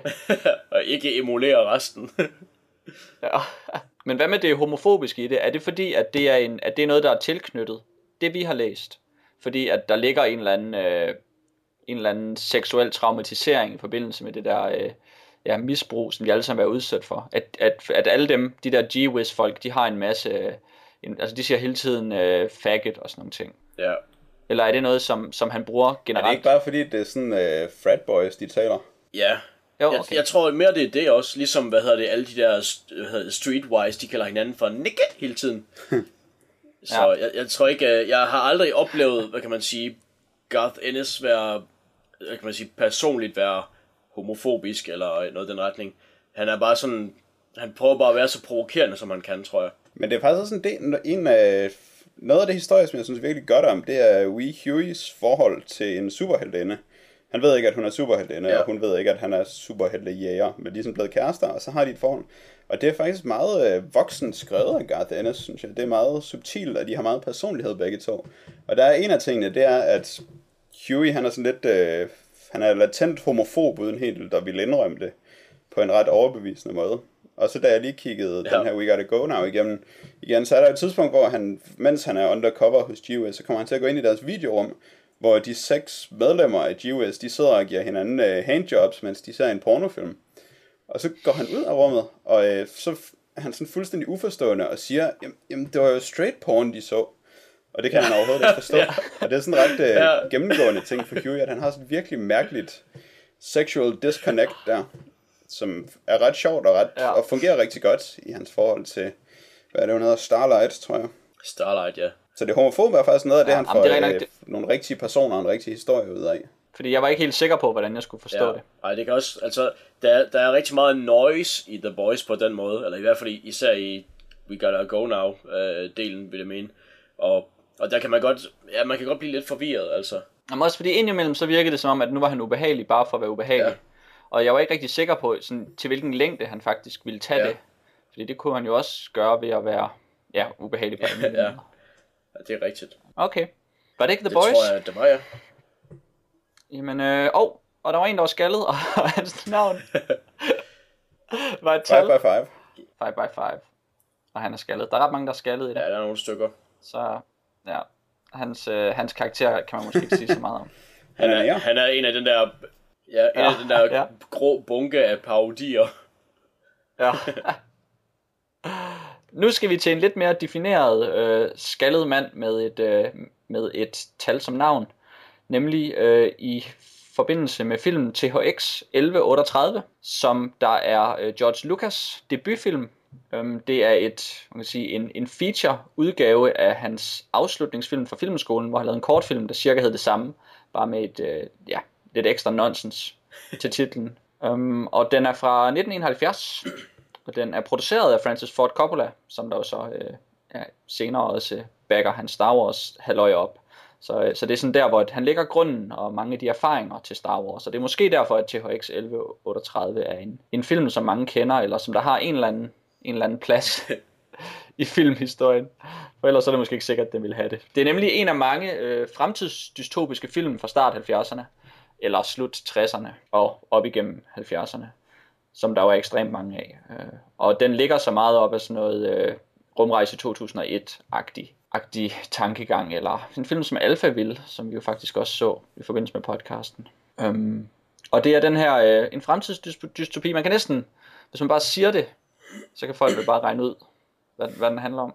Der er et, øh, et stort imperie, som undertrykker befolkningen, og så, øh, så, tager de, øh, så, så skal de tage stoffer for at være, øh, man kan sige, for at indrette sig samfundet, og så, øh, og så, så skal de arbejde, og så gør de det gladeligt, fordi de tager stoffer. Det er Robert Duvall, der spiller hovedrollen, og det fylder vel, han fylder rimelig meget i filmen, eftersom at han vel er i sådan 90% af scenerne eller sådan noget. Det lyder meget rigtigt. og så er der også øh, Donald Pleasance, der er ret meget med. Som hans måske fjende, ja. måske medhjælper. Ja. ja, altså det er jo en... Øh... Jamen, hvad, hvad siger I om sådan en film her? Jeg var vild med den, faktisk. I hvert fald de første to tredjedele af den, kan jeg rigtig godt lide. Der var jeg meget imponeret over. Og jeg skal lige huske at, øh, jeg skal lige huske at kommentere en ting. Øh, der er to versioner af den her film, eller der er faktisk tre. Men øh, de to af dem, det er dem fra 71 og 77, som minder meget om hinanden, øh, og som har man kan sige, den, den originale kvalitet. Og så senere, så når George Lucas han skal udgive noget på DVD, så skal han lige Ja. pille ved det. Um, og så pillede vi det, han ved det i, i 2004, og så lavede han en Director's Cut udgave, som har øh, en masse ekstra, øhm, sådan meget obviously digitally enhanced 3D CGI halløj, der kommer ind. På den der måde, hvor det er opdateret til 2004, men i 2012 er det så outdated igen. Ja, Um, og det, det er så desværre den version, jeg så. desværre det samme for mig, ja. Ja, YouTube har en, øh, har en god øh, 11 minutter lang øh, film, hvor man kan se alt, hvad der er blevet udskiftet sådan efter hinanden. Så man kan se det originale, og så Director's Cut versionerne. Og så får man lidt et indtryk af, hvordan den rigtig er. Øh, Men ja, hvad var du ved at sige, Jack? At jeg kunne rigtig godt lide de første to tredjedele af den, og det var så også Director's Cut. Jeg lagde ikke mærke til noget dårlig 3D-grafik eller noget i den, og var ikke klar over, at der var pillet ved den, men jeg havde nok en idé om, hvad for nogle film George Lucas lavede, og det passede overhovedet ikke på den her film. Og jeg var vild med, hvordan den var meget øh, drømmeagtigt og kaotisk skruet sammen. Altså man blev virkelig ikke øh, holdt i hånden med noget af det, der foregik, og man var nødt til at fornemme rigtig meget af det med sin egen fornemmelse. Og det synes jeg var rigtig spændende, og jeg synes, det var nogle virkelig gode skuespillere, de havde, som, øh, som var rigtig gode til at blive filmet mærkeligt og sidde og se mutte ud i deres hvide tøj uden hår. Og så kunne jeg bare godt lide, at jeg aldrig rigtig vidste, hvad der foregik i den. Men at, jeg havde, at det hele virkede meget øh, helstøbt som et velfungerende univers. I hvert fald som en velfungerende drøm om et univers. Eller meget alt efter, hvor skeptisk Altså du havde den der, man kan sige, det er den der fornemmelse af at se en film, uden at blive holdt i hånden, og man føler lidt, at man er i frit fald, men så efter man har set den, så ved man godt, at man alligevel har forstået det hele. Ja. Noget i den stil. Og så synes jeg bare, at den, altså både lyden og billederne var meget, og, og dialogen, hvis man kan kalde den det, altså det hele var meget sådan æstetisk tiltalende. Øh, jeg jeg øh, fik det dejligt i min sjæl af det. Jeg følte mig vel tilpas. Indtil måske den sidste tredjedel, som mest er sådan en jagt, hvor det hele bliver, der flyder det hele måske lidt for meget sammen, og øh, bliver lidt for meget bare mere af det samme, der bare trækker ud. Jeg tror måske, den fungerede mm. bedre som kortfilm. ja. Men nonetheless kunne jeg virkelig godt lide den. Hvad siger du, Dan? Kunne du, øh, kunne du følge historien, da du så den? Uh, ja, jeg vil sige mere eller mindre. Uh, det, jeg havde det lidt mærkeligt med den, fordi det er sådan en type film, jeg virkelig gerne vil kunne lide. Men jeg, hvad hedder det, øhm, jeg så den i to omgange, fordi først da, jeg, først da jeg satte den på, så blev jeg simpelthen så træt, at jeg så, jeg ved ikke, tre kvarter af den eller sådan noget. Og så var jeg, øh, så var jeg nødt til at tage mig en lur. det, det har måske også noget at gøre med, at jeg har rejst meget, fordi jeg har rejst rundt i landet og sådan noget, og jeg er på ferie og sådan noget. At jeg måske var lidt træt af, af rejsetingen der. Ja. Men så, da jeg så resten af den, ja, så blev var, jeg også så træt. Det var ikke ligefrem, fordi den fremprovokerede en masse adrenalin, så der kunne holde dig kørende. Det er rigtigt. Uh, men, men da jeg så så resten af den, så blev jeg også træt, og der synes jeg ellers, jeg var udvildet. men der var jeg så også nødt til at tage mig en lur bagefter. Men den har også øh. det der, uh, som du er inde på, Jack, det der rigtig døsige tempo, hvor alle, ja. hvor al dialogen kommer sådan... Uh, ja, det er jo ikke staccato, fordi at det, er så, det er så roligt, men ja. der er de her pauser i sproget, og så er der det her, alt er abstrakt. Der bliver aldrig sagt noget konkret i hele den film. Man får ikke noget at vide om den her verden. Ja. Al dialogen handler om et eller andet et eller andet, der er ude for ens rækkevidde, uden for ens synsfelt, som man ikke rigtig ved, hvad er. Og så øh, størstedelen af alt det, der bliver talt om, det er så også ja, i stil med det, som du læste op i, øh, i starten af, af podcasten, det der citat, som jo bare er sådan noget ja. brøvl, så man bliver næsten bare vant til, at hver gang de åbner munden, så kommer der bare et eller andet ud, som er lidt ja. ligegyldigt. Det er rigtigt. Jeg så godt lide dialogen i den der scene, hvor øh, Robert Duvall, eller THX, han lige er kommet i fængsel, eller hvad vi skal kalde det, hvor han ligesom skal finjusteres, hvor man ser sådan en computerskærm, som nogen sidder og kigger på ham på, mens de indstiller på et eller andet, der styrer ham. Og så snakker de om, hvordan man bruger den maskine, ja. og hvordan ham den ene, han ikke ved, hvordan man skal bruge den, men at det ligner sådan en anden maskine, og så skal de lige stille den på det, og så må det ikke komme over 4,7. Mm. Det synes jeg var en virkelig fed dialog, selvom der jo ikke var, øh, der var jo ikke et års fornuft i det. Ej, jeg, det var jo jibber jabber. Jeg sad faktisk og var ja. helt vildt sådan isoleret med den scene der, som bare noget, man kunne, man kunne nyde i sig selv. Ja, det var også ja. en, jeg, jeg noterede mig rigtig meget. Mm. Hvor han sidder i maskinen og lider egentlig, mens de sidder og prøver at, at fumle med de der controls. ja, så om, nej, der skal være tre displays, ikke to displays. Ja. ja. Og, og det der med 7,4 og sådan noget. Ja. Det er virkelig godt. Det er rigtigt. Det var, det var sgu fedt. Ja, der, der kommer lige lovlig meget sådan lyd ind, fordi der er et eller andet, et eller andet, en eller anden stråle, nogle zombie-stråler, der skyder på ham, som larmer lidt meget. Ja. det synes jeg gør scenen lidt for dramatisk, for jeg kunne faktisk godt lide den der sådan rolige uh, sådan tech-babble kultur, der var med de der to ja. nørder, der sidder og, og fumler med en maskine, og så bare et, et billede af Robert Duvall i kramper. Ja. Jeg synes, det bliver, det bliver skruet lidt for meget op. Men, uh... Også fordi de klipper til Robert Duvall i hans rum, i stedet for bare billedet af ham på skærmen. Ja. ja som jo egentlig var nok til at vise, hvad han oplevede. Mm. Det er rigtigt. Og jeg kan egentlig også godt lide, øhm, der hvor, øh, hvor de sidder i det der, øh, ja, det, det er vel også et, et fængsel af art, det der helt hvide øh, fængsel, mm. hvor, øh, hvor Sen, øh, Donald Pleasants karakter, han også er der, og han sidder og han har nærmest sådan en eller anden plan, eller et eller andet, han vil et eller andet, men man forstår ikke rigtig hvad, og så sidder han sådan og prøver at overbevise uh, THX om det her, og han har sådan, han siger, han har sådan en eller anden i lommen, sådan en kontrakt eller sådan noget, hvor der bare står, du er med mig. Og, så, og, og Robert Duvall, han, han gider ikke rigtig at, at høre efter, hvad han siger og sådan noget. Men, men ham der Donald Pleasence, han prøver sådan virkelig at, ja, det ved ikke, at sælge ham et eller andet, som man ikke helt ved, hvad er. Ja. Det synes jeg egentlig også, jeg, jeg, jeg godt kunne lide. Mm. Ja, det lyder lidt som sådan en meget abstrakt socialistisk revolution, som han har planlagt. Ja, noget den stil. sådan et eller andet. Han er i hvert fald ved at få alle på sin side på en eller anden måde. Ja, til at gøre et eller andet. jeg, jeg kan måske lige knytte nogle hurtige kommentarer omkring plottet. Altså det handler om THX, som der arbejder. Øhm, han har et job i den her underjordiske facilitet, hvor alle de her, alle de her mennesker går rundt i deres hvide, hvide kitler og skaldede, øh, skaldede frisyrer. Um, og, så, øh, og så sker der et eller andet med, at der er en kvinde, som der, jeg tror hun beslutter sig for at holde op med at tage sin medicin øh, på egen vilje. Um, og, og det er sådan set det, der sådan er, at, at det markante. Og hun manipulerer så med hans medicin, som jeg forstår det, så han også holder op med at tage den rigtige medicin og snapper out of it. Og så får de et, øh, et, et forhold til hinanden, og så øh, kommer han til at gøre hende gravid og så i den forbindelse, så er de knyttet til hinanden, og så finder systemet ud af, at der er foregået noget, der ikke skulle foregå, og så ender det med, at han ryger i, øh, i det der er et slags fængsel, som der bare sådan et kæmpestort, hvidt område.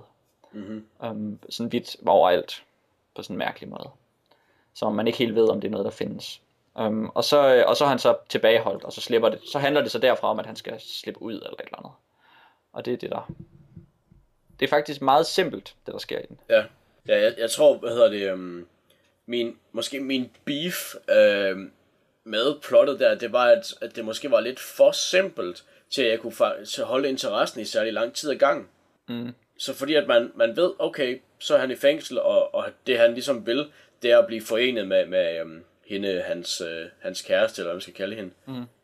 Men det tror, jeg, det tror jeg sådan set også er udfordringen med filmen, fordi hvis man skal have Ja. den oplevelse, som Jack havde, så skal man ret relativt hurtigt indse, at man ikke skal interessere sig for den her sci-fi verden. Og man skal ikke Ja. prøve på at Det er ikke en plotfilm. Nej, og man skal ikke prøve på at forstå, ja. hvad der sker, og man skal ikke finde ud af, hvem skurken er, og hvad man skal gøre for at bekæmpe den. Man skal udelukkende sidde og kigge og lytte, Ja. um, og så, og så øh, forholde sig til det, der sker. Og så er den faktisk, den er jo ret flot. Øh, den har nogle, øh, nogle lækre øh, sådan scanline, øh, hvad hedder det, skærme, som laver sådan noget fed overvågnings, retro overvågnings displays og sådan noget. Og, Jamen, det, det har den, og det, og det gør den. Og nogle overraskende kameraindstillinger i rigtig mange af scenerne, hvor man ser folk fra mærkelige vinkler. Ja. der bliver man rigtig snydt. Um, ja, specielt der i, i mange af scenerne i starten. Jeg kan huske, der hvor han bliver ført ind i det der rum, og først møder ham der øh, Sen. Mhm. Man fatter overhovedet ikke, hvem der er hvor i den scene, fordi Ja. ja. der bare, man bliver bare filmet fra højre og venstre. Ikke, øh... Det kan jeg rigtig godt lide. Mm. Og der hvor øh, ham der Shelldwelleren, øh, som de kalder Ja. ja. behårede dværge, han sidder og kigger på, at Robert Duvall går amok.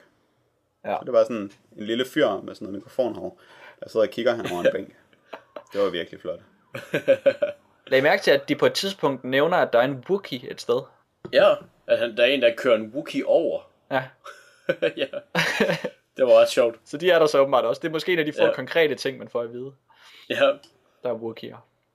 Øhm, hvad hedder det? I øvrigt, jeg, jeg vil... Øhm, jeg vil lige spørge jer, fordi at det, det er noget, der slog mig efter, efter jeg havde set den. Øh, til sidst, øhm, hvor, hvor øh, han ligesom altså undslipper og kravler op, og så kommer han op, på, op til overfladen. Mm. Det slog mig, at jeg hele tiden under filmen havde, havde antaget, at det var under jorden. Jeg ved ikke med jer. Det havde jeg ikke. Nej, okay. Nej, det ved jeg heller ikke, om jeg havde. Okay, det var bare lidt sjovt, at det, altså, jeg kunne forstå, at, at det var, at det havde været overraskende for nogen, at han så kom op til overfladen. Men jeg, jeg antog bare hele tiden, at det var under jorden, så Altså man ser jo, Og jeg var heller ikke overrasket. nej. Øhm, man ser jo nogle af de der bilscener, altså- altså... som jeg synes, der hentyder det. Ja, Fordi det er som om, de kører udenfor, men det er også som om, at der ikke er nogen himmel. ja, Så der synes jeg måske, man får sådan et, et, et subtilt spor, ja. som man godt ville kunne ja, fæstne sig til. men sådan ligesom alt andet, der skal i filmen, så synes jeg ikke, det er vigtigt. Nej, Så det er ikke sådan, at øh, jeg havde forventet det, men jeg havde heller ikke ikke forventet det. ja. Fordi ja. jeg havde jo bare ikke nogen anelse om, hvad der var. Det var bare, øh, det var bare en stemning hele tiden. Ja. Så jeg havde ikke nogen anelse om, hvordan noget fungerede. Hvad siger I til Men det var uh, sjovt, at de der robotvagter, de døde, Ja. hvis man væltede dem. Ja, jeg vil også lige uh, påpege, at de var forholdsvis skrøbelige egentlig. Ja, men de har jo så også en ret let befolkning, som de skal Ja. undertrykke. det er rigtigt. Og de, det var, jeg, var, jeg, var, jeg kunne godt lide robotterne, øh, robotpolitiet, eller hvad man skal kalde dem, at de var så høflige, også over for hinanden. Mm. Det synes jeg, der var ret fedt. Og så var der rent, de gik rigtig fedt. Ja, I hvert fald en af dem, han havde en rigtig flot måde at gå på. Jeg håber, det var Johnny Weissmuller junior, som Ja. var den ene af de to kromvagter. ja, Fedt. Ja, de, det er sådan nogle uh, motorcykelpolitibetjente med, uh, med krom ansigter, ja. som der går rundt med sådan nogle lange stave. Der var, der var en scene, jeg tror en scene, der irriterede mig meget. Og det er en af de scener, hvor han er tilbageholdt i, øh, i det der, i det hvide, åbne fængsel. Um, og så kommer der sådan tre af de der kromvagter hen med sådan nogle lange stødstænger. Og så begynder han at løbe rundt i sådan en ring. Nå ja, det er rigtigt. Og det bliver sådan næsten sådan balletagtigt. Som, som, som sådan en dansescene, fordi det giver ingen mening, den måde han bevæger sig på, i forhold til hvordan de truer ham med de der stænger. Det er som om han insisterer på at danse rundt, mens de sådan skal stå og sådan lidt, altså, det virkede, det knækkede lidt for mig. Det var lidt for... Vil du Øh, høre, hvordan jeg forklarede det? Ja, Fordi jeg tænkte nemlig også over, at det virkede sådan mærkeligt, men øh, jeg var hele tiden i tvivl om, om han var en robot, Robert Duvall. Mm. Øh, og det virkede som om, at de havde sådan en eller anden måde, de kunne fjernstyre ham på også, da de sad der med computeren og fik ham til at have nas og sådan noget. Ja. Og så tænkte jeg bare, at de havde sådan nogle staver, så kunne de prikke på ham sådan nogle steder, der fik ham til at gøre bestemte ting. Så det fik ham bare til at løbe Sådan, rundt. så de kunne fjernstyre ham ved at prikke til ham. Ja. Og så aktiverede de hans øh, løb i cirkler pressure point, Ja. så han ikke lade være med det. Altså, det forklarer det jo. Det er en fin teori. Jeg, jeg køber den. Ja. Det er fedt, de har sådan nogle Godt. lange stave, der kan få folk til at løbe i cirkler. ja, Det hedder man med crowd control. det må man sige. Ja, det er ret smart. Mm-hmm. Jeg synes, det var en flot og dejlig film. Bortset fra der, hvor øh, de jagter ham. Det synes jeg blev lidt kedeligt. Og øh, Ja. måske var det også, fordi det blev lidt hektisk, det hele.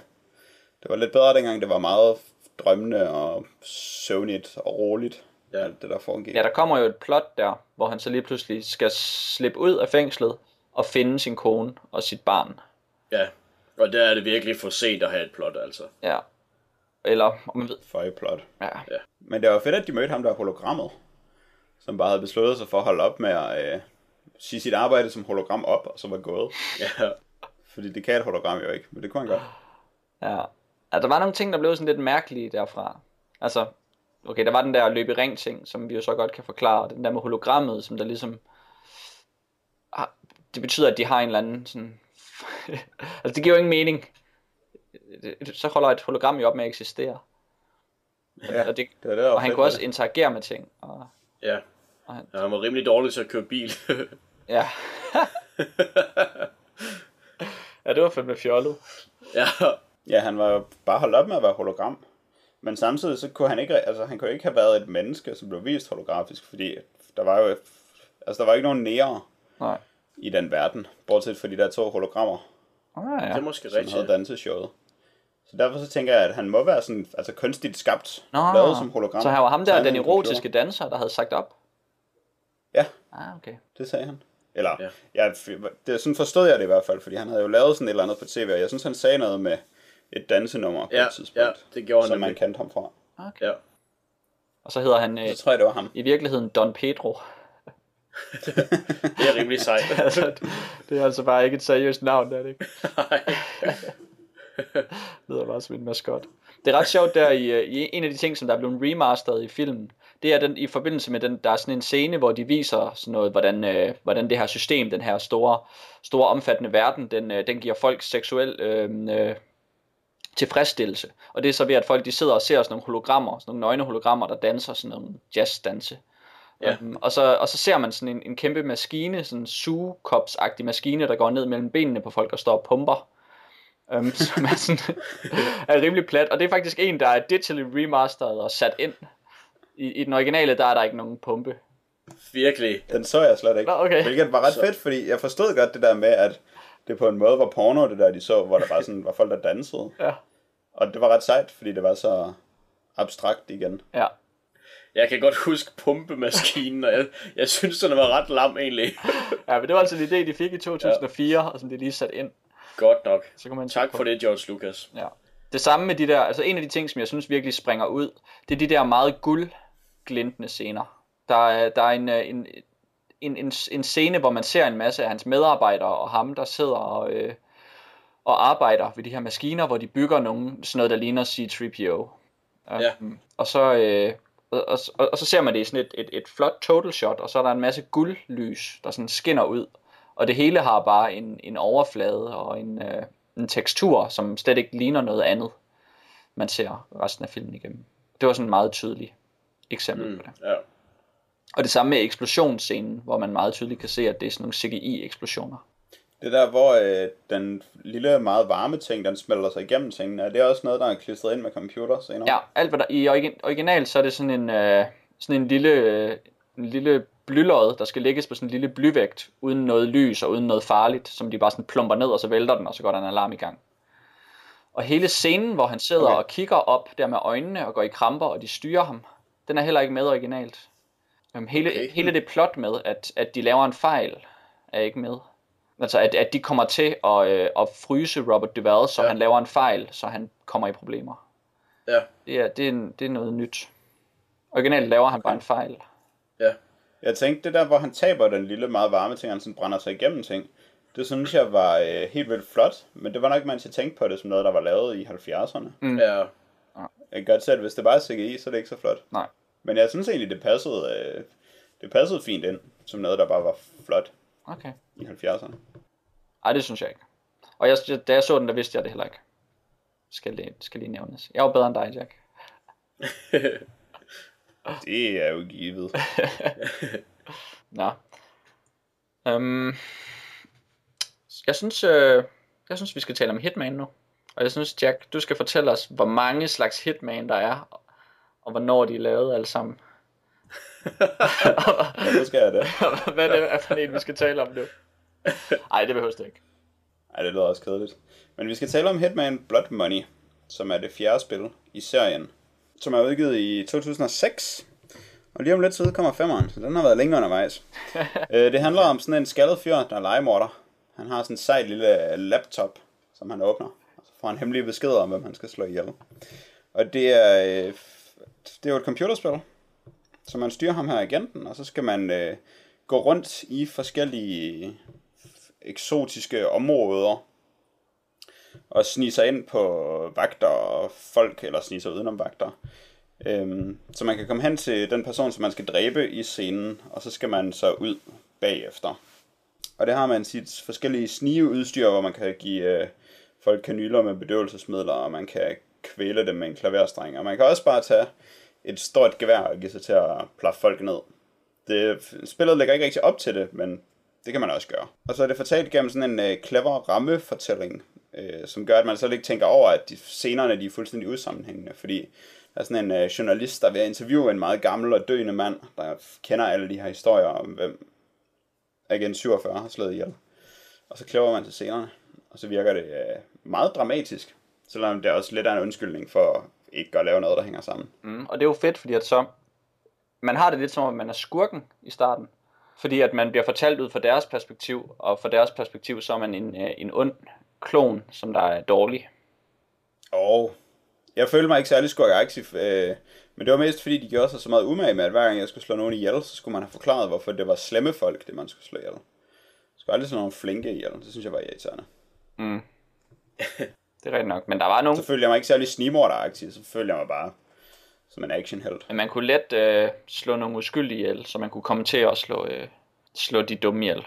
Ja, Jack, ja. Du, kunne, du kunne bare have dræbt nogle af de uskyldige jo. Jamen, det er selvfølgelig rigtigt nok.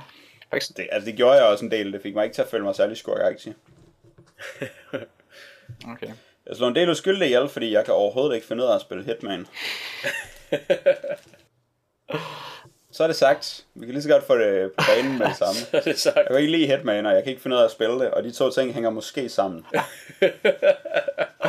Havde du tålmodighed nok? Nej, Okay. det havde jeg nemlig ikke. Eller jeg synes faktisk, jeg havde rigtig meget øh, tålmodighed. Og øh, i den første bane, som ikke er en tutorial, hvor det er sådan en øh, hacienda i Sydamerika, man skal snige sig ind på at dræbe en narkobaron, der øh, startede jeg banen forfra rigtig mange gange, fordi jeg gjorde sådan nogle dumme ting, hvor jeg blev opdaget af alle vagterne og sådan noget. Jeg tænkte, at det er meget tydeligt, at det ikke er det, man skal gøre. Man skal ligesom snige sig ind, og der er ikke nogen, der skal vide, at man er der. Og så, hvis man er rigtig sej, så kan man nøjes med bare at slå den, man skal slå ihjel, ihjel og så kan man snige sig udenom alle andre. Mm. Øh, men så, jeg kunne så godt lide at slå folk ihjel. Især hvis jeg sådan kunne snige mig ind på dem og dræbe dem, uden at de opdagede mig. Øh, men på et tidspunkt, så sneg jeg mig op på en vagt, som øh, var alene. Så sad han og sov. Det var et problem, fordi jeg kunne ikke bruge min øh, piano wire på ham, når han sad og sov. Mm. Så kunne jeg ikke kvæle ham ihjel. Så jeg var nødt til at stå og møfle ind i ham, indtil han rejste sig op. og så vågnede han sådan, uden at opdage mig, men øh, vågnede og rejste sig op. Og så skulle jeg sådan prøve at kvæle ham bagfra, og det havde jeg virkelig svært ved at få til at virke. Jeg skulle bruge så mange forsøg på at stå rigtigt med den der klaverstreng, så jeg kunne slå ham ihjel. Men det lykkedes, og så fik jeg slået ham ihjel, og så slæbte jeg ham over i sådan nogle øh, dybe buske, hvor der var en masse planter, og i et hjørne af haven, hvor der aldrig gik nogen. Og så tænkte jeg, at det var smart, så kunne jeg lægge ham der, så var der ikke nogen, der ville opdage ham. Øh, og så gav jeg mig til meget langsomt at snige mig hen mod huset og holde øje med alle vagterne, så man kan se på sit kort hele tiden. Øhm, og sørge at holde øje med, hvor de gik hen, så jeg kunne snige mig ind lige det rigtige øjeblik. Og så mens jeg gjorde det, så pludselig så kom der en vagt løbende ud af huset, og sådan direkte hen til der, hvor jeg havde lagt ham i haven, og opdage ham, så han kunne slå alarm. Ja. Og så var det sådan lidt, nå, så det er heller ikke realistisk, det her system, så gider jeg da slet ikke spille min tid på det. Og så slog det mig, at jeg havde en bedre mus end alle de der vagter, og så tog jeg bare et gevær og gav mig til hjem. og så dræbte jeg alle, inklusive en del af de civile gæster. Ja, det var godt. Men det er faktisk, det, det, Selvfølgelig, at jeg havde tabt der. det oplevede jeg også som, som lidt skuffende, fordi man bliver jo kastet ud på dybt vand. Man starter med en meget let tutorial, hvor man øh, tror, at man får alle reglerne i spillet at vide, men det gør man jo overhovedet ikke. Fordi der lærer man ikke de der meget specifikke regler om, hvordan man gemmer et lig, så det ikke bliver fundet.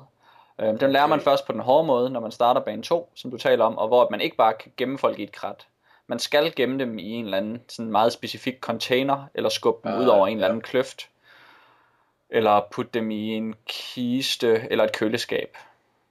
Og det er vist de eneste ting, man kan gøre med et lig. Um, og det, det er lidt de eneste steder, hvor man kan rigtig dræbe folk, hvis man skal være meget, meget stille og aldrig blive opdaget i de spil. Det er, når man først har identificeret, at der er et, et, et let sted at komme af med livet tæt på, og så kan man dræbe det, og så kan man komme af med livet. Og det synes jeg, det er en, en trial and, and error oplevelse at finde ud af det. Fordi jeg har brugt med lang tid på bane 2. Ja, jeg vil sige, det er ikke, det er ikke noget, man har øh, opfattelsen af, efter man har spillet den der tutorial. Nej. At man skal... Øh, ja, selvfølgelig er der i den der tutorial, at man smider dem i øh, en kasse eller sådan noget livet. Men, men Ja, man ved, at man kan. ja, det er det. Men man, man har indtryk af, at man kan bare slæbe det lidt af vejen, og så, øh, så vil det være okay. Ja, Man får jo indtrykket af, at det er sådan en meget realistisk simuleret verden, man bevæger Mm. sig rundt i. Og så giver man så lidt til at bruge sin sunde fornuft også, fordi man ikke sådan får særlig meget at vide om, hvad der er det rigtige Mm. at gøre. Ja. Øh, man ved nogle ting, man kan gøre. Og så må man lidt tænke sig til det, og så tænker man, at man kan gemme folk i et krat. Mm. Men nej. Men nej. Nej, men det er nemlig også det. Jeg, jeg startede med sådan en meget happy-go-lucky tilgang til spillet, hvor jeg tænkte, okay, jeg kan bruge min sunde fornuft. Jeg skal bare gøre det ordentligt. Øhm, og, og gemme folk lidt, og så kommer jeg igennem. Og så møder jeg, så kommer man ind i sådan en mur, hvor man pludselig indser, nej, der er nogle meget specifikke regler, man skal forholde sig til. Og så begyndte jeg at tænke, okay, dem der har lavet spillet, hvordan har de tænkt, jeg skal klare den her bane?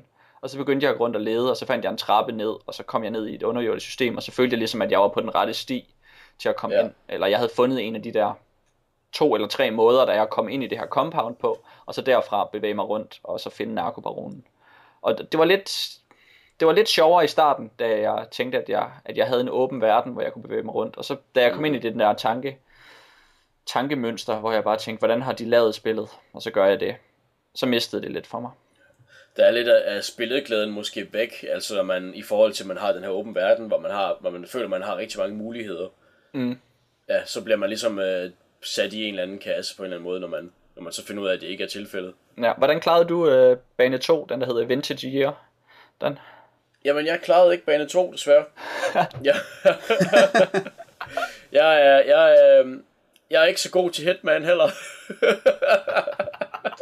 Og du havde ikke den gode mus, der kunne hjælpe dig, når man bare skulle gå amok bagefter. Jeg har sådan en lille undersized travel moves. som virkelig er elendig. Åh, oh, pis. Ja. Ja. Og hvor langt kom du i den? Eller, Øh. beskriv dine oplevelser med, med bane 2. Jamen, hvad- kom jeg til? Øh, det kan ikke have været særlig langt. Det kan ikke have været særlig langt, for jeg kan knapt huske... Altså, jeg ved, jeg kom til bane 2, men altså, Du klarede ja. tutorialen. jeg klarede tutorial. Den synes jeg, jeg klarede rimelig godt, faktisk. Altså, kom du ind i compoundet, uden at blive opdaget? Jeg tror ikke, jeg kom ind i compoundet, nej. Okay, du gik rundt om det lidt. Jeg må have, jeg må have toget rundt udenfor. Og så, du ved ikke, falde ned af en klippe eller et eller andet. Nej, det kan man ikke. Nej, men altså, jeg kan ikke... Øhm, Jeg prøvede nemlig, og øh, ja, spillet er meget begrænset i, hvordan man kan bevæge sig. Man kan ikke rigtig gå. Du ville gerne kaste dig selv ud fra en klippe, mens du spillede. ja, det er altid det første, jeg kigger efter i spil. Kan jeg kaste mig selv ud efter ud af en klippe, eller... Ja, Ja. Og det kan man nemlig ikke i, i Hitman. nej. Og, og det, den frihed ville jeg egentlig gerne have haft. Ja. okay. Ej, men jeg synes, at øh, derudover så synes jeg sådan set, at det var meget sjovt. Um, det vil sige, så synes jeg, at bane 2 var sjov, fordi at jeg klarede den. Og så synes jeg, at bane 3 var ja. sjov, fordi den er god. Og så kom jeg til bane 4, som er sådan et stort, øh, et stort hospital, sådan en afvindingsklinik, med en masse meget, meget ens lokationer, og fuldstændig ens teksturer overalt. Fuldstændig ens vinduer og tage og vægge og interiør overalt. Og det er simpelthen så, øh, det var så døde omgivelser. Og så en masse ens patienter, der gik rundt. At det var, øh, det var ikke lige så lækkert at læse sig rundt, som det var i sådan en øh, fed narkobarons øh, lille villa, eller, eller i, i sådan et operahus. Og så, øh, Hvorfor var øh, operaen god for dig? Um, det var fordi, jeg, godt kunne, jeg kunne bare godt lide alle udfordringerne i den. Jeg kunne godt lide den, øh, de mange måder, der var at, at løse det på. Men jeg, jeg brugte så også ret meget tid på sådan at prøve en løsning, og så prøve spillet igen, og så prøve en løsning igen. Um, indtil jeg fandt sådan en rimelig dårlig en, der handlede om at kaste en mine ind sådan fra en balkon over, over i en anden balkon, og så læste lidt væk, og så udløste minen med en fjernbetjening, sådan så vildt mange spring i luften, og alle blev vildt sure. det lyder som en rimelig fed løsning. ja. um. Men synes du, det var, altså tog det ikke enormt lang tid at snige sig rundt og afprøve en løsning? Jo, jeg tror, jeg har brugt 4-5 timer på at spille bane 2 og bane 3. Måske 6 timer. Og jeg synes virkelig, det er så kedeligt det der med at skulle snige sig rundt og ikke blive opdaget og sådan lede efter det rigtige sted at gå hen. Og hvis man gør det forkerte sted hen, så er man sådan et sted, hvor alle vagterne kan se en, og så giver de sig pludselig til at skyde, og så det hele er ødelagt, så skal man starte forfra, så skal man snige sig helt vildt langsomt, helt vildt langt igen. Mm. Jeg synes virkelig ikke, at det er en spændende måde at spille på, det der med at skulle snige rundt og øh, lade være med at blive opdaget. Og slet ikke, jeg kan lide den her genre. Nej. Hvad synes du om øh, Snigeren. Hvad, hvad synes du om, om den mekanik der er i spillet øh, med at man kun har et vis antal save games? Jeg tror når man spiller normal, så har man fem save games per eller saves per øh, per bane eller per, per mission. Er det, ikke to, er det ikke to man har bare? Er det ikke tre? er det ikke lige meget præcist, hvor mange man jo. har? Man har ikke sådan særlig mange save games. Jo. Øhm, men altså, der hvor jeg kommer fra, der er fem save games, jo fem for mange. Ja. så det er... Altså, det kan jeg ikke administrere. Nej, det... Jeg synes, det er, altså, det er fedt nok at lave begrænsning, men altså, det betyder bare, at jeg aldrig gemmer. Mm. Fordi jeg hele tiden vil gemme dem til et bedre tidspunkt. Øhm, og jeg var, altså hver gang jeg havde snedet mig et sted hen, så var jeg jo i tvivl om, at det var det rigtige sted at snige sig hen, så jeg turde ikke gemme, hvis jeg nu sådan stod et helt vildt åndssvagt sted, som jeg ikke ville kunne snige mig ud fra. Så altså, det gør ikke øh, den store forskel. Altså det gjorde den forskel, at du ikke bare quicksavede hele tiden, som man ville gøre. Jamen altså, det ville jeg jo heller ikke have gjort alligevel, fordi jeg ville være bange for at komme til at quicksave et sted, hvor jeg sad det forkerte sted. Så bliver man jo corneret i en eller anden, en eller anden lokation, og ja, jeg må indrømme, at, at jeg, jeg, jeg tror også, at, at spillet fejler en del øhm, for mig. Altså i og med, at jeg har brugt så meget tid på at tænke på, hvad det er, dem der har lavet spillet, har tænkt, man skal gøre her. Det har virkelig, det har været sådan min, min primære måde at anskue alle situationerne på. Og det... Så i stedet, ja, i stedet for at kaste dig ud i det, så har du mere, mere prøvet at second guess, hvad vil spillet have dig til at gøre? Altså. Ja, og, ja, også ja. fordi, at der, at der er jo de her, altså jeg vil jo gerne altså der er, der er nogle rankings, når man klarer en bane, og så det bedste, eller det der for mig at sige er det bedste, det er at være Silent Assassin. Og det betyder, at man har dræbt nogen uden at bruge våben, og uden at der er nogen, der har fundet et lig. Um, ja. Det virker også helt klart som det bedste ja, for det virker som, ja. Og det virker som det, spillet handler om. Ja. Um, det er sådan, altså, så har man spillet det rigtigt. Men for at gøre det, så er der bare, altså så ved man jo ikke, så kommer man hen til sådan en, øh, der er sådan nogle propan-tanke, som man kan rigge, og så de springer i luften i hovedet på folk. Og man ved ikke helt, om det er den måde, man skal dræbe folk på, eller om man skal prøve at forgifte et eller andet mad, eller om man skal øh, lægge en mine ud på badeværelset, eller hvad det nu kan være. Altså man, man ved ikke, hvad det er, de vil have, man skal gøre, for, ja. for at klare den her. Lægge en mine ned i toilettet. Ja. ja. Jamen, det er rigtigt nok, at, at man, man kan ikke, det er svært at få spillets indtryk af, hvad, øhm, hvad er et uheld, Mm. Eller hvad opfatter spilverdenen som et uheld, eller som, som ja, whatever. Og hvad, hvad opfatter spillet som, at det, det er nogen, der har dræbt nogen med gift, eller propantank, eller whatever. Ja. Og der er præcis så mange øh, muligheder, netop som sådan noget med propantanker, man kan springe i luften og sådan noget, at man hele tiden tænker, at man kan gøre det, som man har lyst til, og at man kan tænke kreativt, men samtidig så er spillet bare for begrænset til, at man kan være kreativ på den måde. Ja, og så ender man med at skulle regne ud, hvad det er, spildesignerne de har tænkt sig, man skulle gøre. Ja. Mm-hmm. Og der kan man måske sådan se flere ruter, hvor der sådan, de har tænkt, en af dem, der kan man springe de her propantanke i luften, og så kan man gå amok med en M16, hvis man har en god mus, og øh, den anden er, at man skal snige sig ud på badeværelset og ligge ned i toilettet med sin piano wire. Ja. Læg sin piano wire i toilettet. ja, silent assassin. silent. Så er jeg hjem igen. Måske er, er... Så måske er problemet ikke, at jeg hader snigespil, men at jeg bare føler mig... Øh, at jeg føler, at jeg er nødt til at regne ud, hvad det er, spildesigneren de har tænkt, da de lavede mm. det. Men det er jo også fordi, at der er den her score. Altså hvad nu, hvis det var fuldstændig ligegyldigt, hvordan man klarede banen? Hvad nu, hvis der ikke var noget, der var mere fint end noget andet? Det har jeg også tænkt på nemlig, fordi jeg tænker, at jamen, jeg jo godt bare spille alle banerne med at tage øh, et automatgevær, og så bare give mig til at skyde mig igennem det hele. Og det kunne sikkert også være sådan en spilleroplevelse på en eller anden måde. Men så føler jeg bare, at øh, så ser spillet sådan lidt ned på mig. Ja. Så synes spillet, det er finere end mig, hvis jeg gør det. Men det er da også rimelig ikke var svært. det, Altså, ja, det er svært at sådan skyde det hele. ja. Men altså, det er fint nok, fordi det er det mindste action mens jeg dør, så det er mere sådan det der med at bruge helt lang tid på bare at sidde på hug i et hjørne, og så gå helt langsomt her en gang, og så er det lige sådan vagt, der får øje på en, så bange, så man død, og man har ikke oplevet noget som helst. Så i det mindste var en kæmpe firefight, inden jeg døde, så havde jeg da prøvet noget. Ja. Det ville jeg have det meget bedre Det er også det med. der med, at, at der er sådan en, øh, altså, et, et spørgsmål om, hvor meget tid og hvor meget sjov man får ud af spillet. Ja. Og, og, hvis man, Nemlig. og hvis man skal snige sig igennem, så skal man bruge vildt meget tid på det. Um, og hvis man skyder, så bruger man utrolig lidt tid på det. Og hvis man sådan gør begge dele lidt, så virker det bare sindssygt fjollet, når man sniger sig. Fordi så bruger man Ja. lige, så nu bruger jeg lige 35 minutter på at komme herover, og så bruger jeg lige 3 minutter på at gå tilbage med mit maskingevær. Ja, det er rigtigt. Det, det, er ikke, det er ikke noget, man har lyst til. Altså, man, man er til en af de to nærmest. Ja, det er man lidt tvunget til. Ja, og så er det Og man spillet- føler, man gør det forkert, hvis man bare går amok. Ja, netop. Altså, så er det spillet lægger op til, at man skal snige. Og så, så kan man godt snige i ret lang tid. Men man forestiller sig også inde i sit hoved, hvor fedt det ville være, sådan, hvis man kunne spille det her spil, og så bare sådan kunne snige sig rundt om det hele og dræbe alle, uden at nogen opdagede en. Man har jo sådan en fantasi om, hvordan det er at spille Hitman. Ja. Men jeg synes ikke helt, spillet leverer det. Altså, jeg havde en fantasi om, om hvordan det var at spille toren, som jeg synes var rigtig sjov. Og jeg håbede, at det var det samme, jeg skulle. Og det virkede det bare ikke som.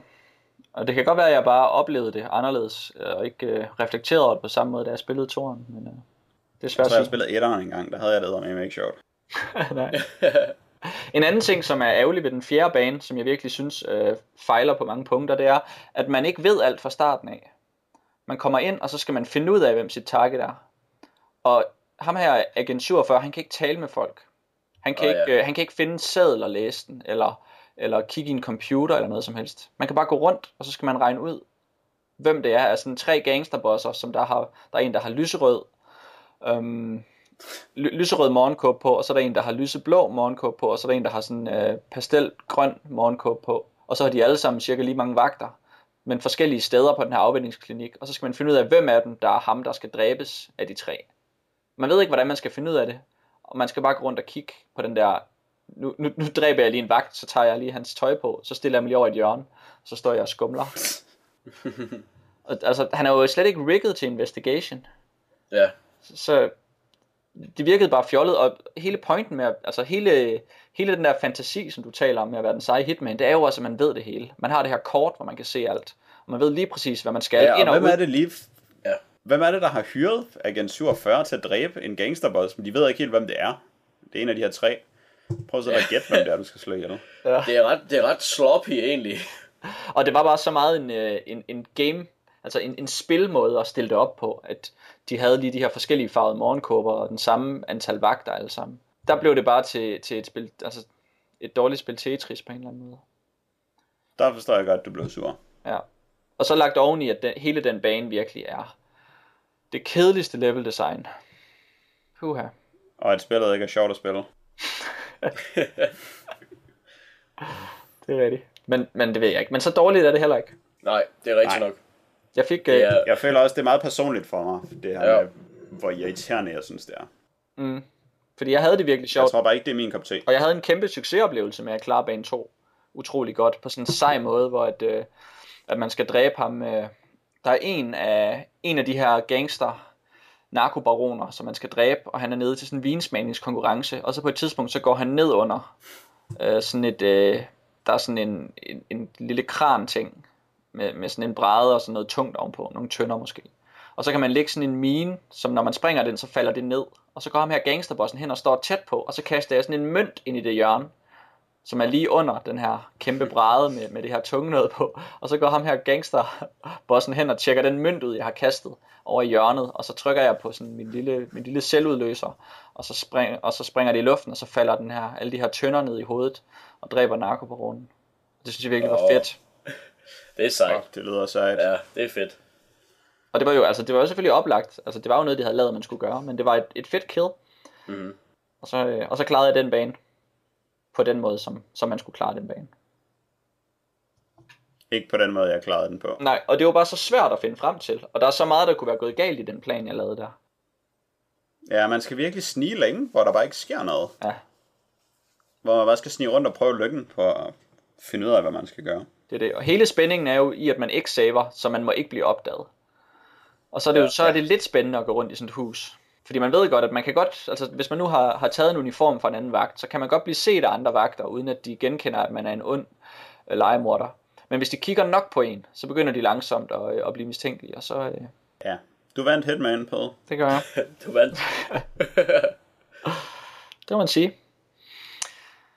Øhm, hvad siger I til sådan nogle, øh, sådan nogle skaldede typer med, med tal som navne?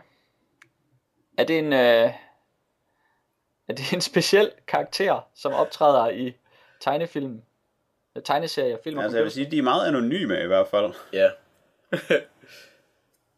Ja, er det, er det en god Det er som karakter? regel et tegn på, at der ikke er nogen personlighed. Det er det ikke. Det er nok rigtigt. Det tænker jeg også. Det er som om, at i håret, der sidder personligheden, og så giver man folk et tal. Og så er Og de, så er de, så er de bare, så er de bare et tal ja, uden personlighed. det æder med dybt. Det er så dybt, det her. Hold da kæft, mand. Think about it. Så, øh, så har vi vist ordnet det. Nogle gange så er jeg fandme glad for, at vi laver så gode temaer. ja. ja. Eller, Nogen, der virkelig er kød på. ja. Ja, det er utroligt så dybe, vi er egentlig. ja, når man tænker på, hvor lang tid det tager at finde tre mænd, der er skaldet med tal som navne, ja. så skal man bare sådan stille det over for det kæmpe payoff, der er at lave en, øh, et afsnit om det. ja. Det er fantastisk. Og plat. Jeg er glad for, at jeg så til Excel 38. Så kan I tage jeres Hitman og jeres Boys og pakke det sammen. Jamen, jeg er glad for, at jeg spillede Hitman. Hvad synes du var bedst den? Altså, jeg tror faktisk, jeg vil spille lidt mere Hitman. Ah, For lige at se, Gør om jeg det også, ikke. for at se, om jeg også kan lave det der fede kill, du talte om på. jamen, du skal lave et helt andet kæde. Satans. Jeg tror måske også, man kan forgifte noget vin. Jeg Åh, oh, det vil jeg, så gør jeg det. er ikke helt sikker. Ja, så længe, at, så længe, så længe at jeg kan spørge dig om, hvad for nogle kills jeg skal lave, så, så tror jeg, jeg vil spille mere Hitman. Ja. Ja, jeg, var- jeg er lidt kommet dertil, hvor jeg tænkte lige at kigge i nogle walkthroughs, som man skulle gøre, fordi så kunne jeg lige Ja. klare bane 4. Men så er det jo Ja. fuldstændig tåbeligt. Det er jo, ja, så har man måske tabt Hitman, hvis man gør det. Ja, det tror jeg også. Øh, har vi noget post? Jeg må ønske, at jeg lige uh, tastede og klikkede lidt, men det er fordi, vi har nogle kommentarer på vores hjemmeside, Ja. som jeg tænker, uh, vi faktisk godt lige kunne uh, snakke om. Jeg husker det som om, at der er i hvert fald en af dem, som har nogle spørgsmål til os. Apropos kommentarer på hjemmesiden og din fede mus, Jack. Ja, Er der så ikke noget, du har glemt? Jeg har ikke glemt det. Jeg tænker faktisk jævnligt på det, men jeg har ikke gjort det endnu. Det er noget andet. Men på et tidspunkt, så kommer vi til at se dig og din mus i fuld flor. Ja, Nice. Fuld action. eventuelt i gang med at dræbe nogle civile. Men det var som om Hitman, det var bare ikke, øh, det var ikke godt nok. Nej, absolut ikke. Ja, der er to af dem, som er interessante at diskutere i hvert fald, og de kommer begge to fra øh, Søren Pøden van Andersen. Øhm, den ene af dem lyder... Fedt afsnit. Nå, nok har jeg ikke selv spillet Hulk the Movie The Game, men jeg studsede lidt over bemærkningen om at spille Bruce Banner i visse segmenter af spillet. Det er faktisk et ret oplagt designvalg, der spillet nok hurtigt vil føles lidt lamt, hvis man kun er Hulk, der smadrer alt hele tiden. Hans awesomeness har brug for at blive relativiseret, og hvad er mere oplagt end stealth-missioner med banner, så man kan prøve at være svag for så senere at blive til Hulk igen. Måske møder man endda nogle af de samme fjender, men med helt forskelligt perspektiv. Det kommer naturligvis helt an på, hvor godt det er implementeret, men overordnet set er det godt design. Øh, der føler jeg mig lidt ramt på manchetterne, fordi det var mig, der især hader de der stealth-segmenter. Mm-hmm. Og jeg har flere kommentarer til det. Altså for det første, så det gode Hulk-spil til PlayStation 2, uh, Hulk Ultimate Destruction fra 2006, der er man kun Hulk, der smadrer alt hele tiden. Og det er mega fedt. Det er i hvert fald ikke, øh, det bliver ikke tamt af, at det er det, der foregår.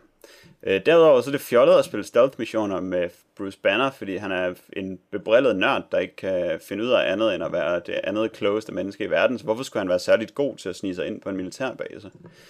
Det synes jeg ikke giver nogen mening. Jeg kan godt se, at det kunne være sjovt at blive øh, knust af en eller anden som øh, Puny Banner. Men som vi også lige har øh, set lidt nærmere på, så havde jeg virkelig stealth gameplay langt, langt det meste af tiden, fordi det er så kedeligt at snige. Men Jack, der er vel sådan noget som øh, Batman-spillene til PlayStation 3, som hvor det at snige jo faktisk er en ret stor del af. Ja, Eller hvad? det er rigtigt. Øh, jo, jo, det skal man, men man er bare... Øh, man har sådan det rette overlegne niveau til at snige der. Altså, man gør virkelig meget, mens man sniger. Man skal hele tiden svinge sig rundt og bruge alle mulige maskiner. Man skal aldrig bare sådan crouche, og så gå langsomt rundt i banen. Nej, okay. Men når man går under sådan et gitter under jorden, eller lidt under jorden. Ja, det gør jeg ikke. Den måde spiller jeg ikke snigebanerne på. Nej, okay.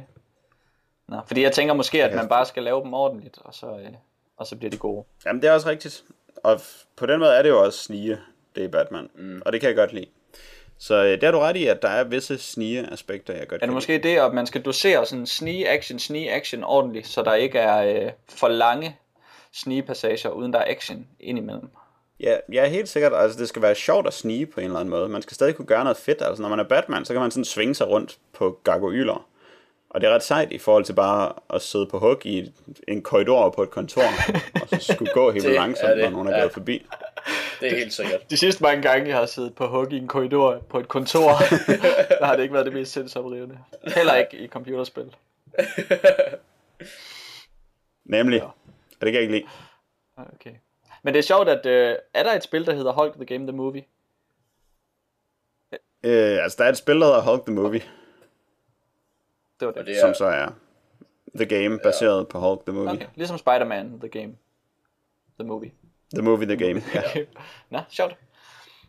Det var som om, at det var... Altså, det, det er jo selvfølgelig ikke den officielle titel. Den officielle titel er jo bare Hulk the Movie. Okay. Men det er jo ikke The Movie. Så på den måde er titlen ret misvisende. Ja, ja.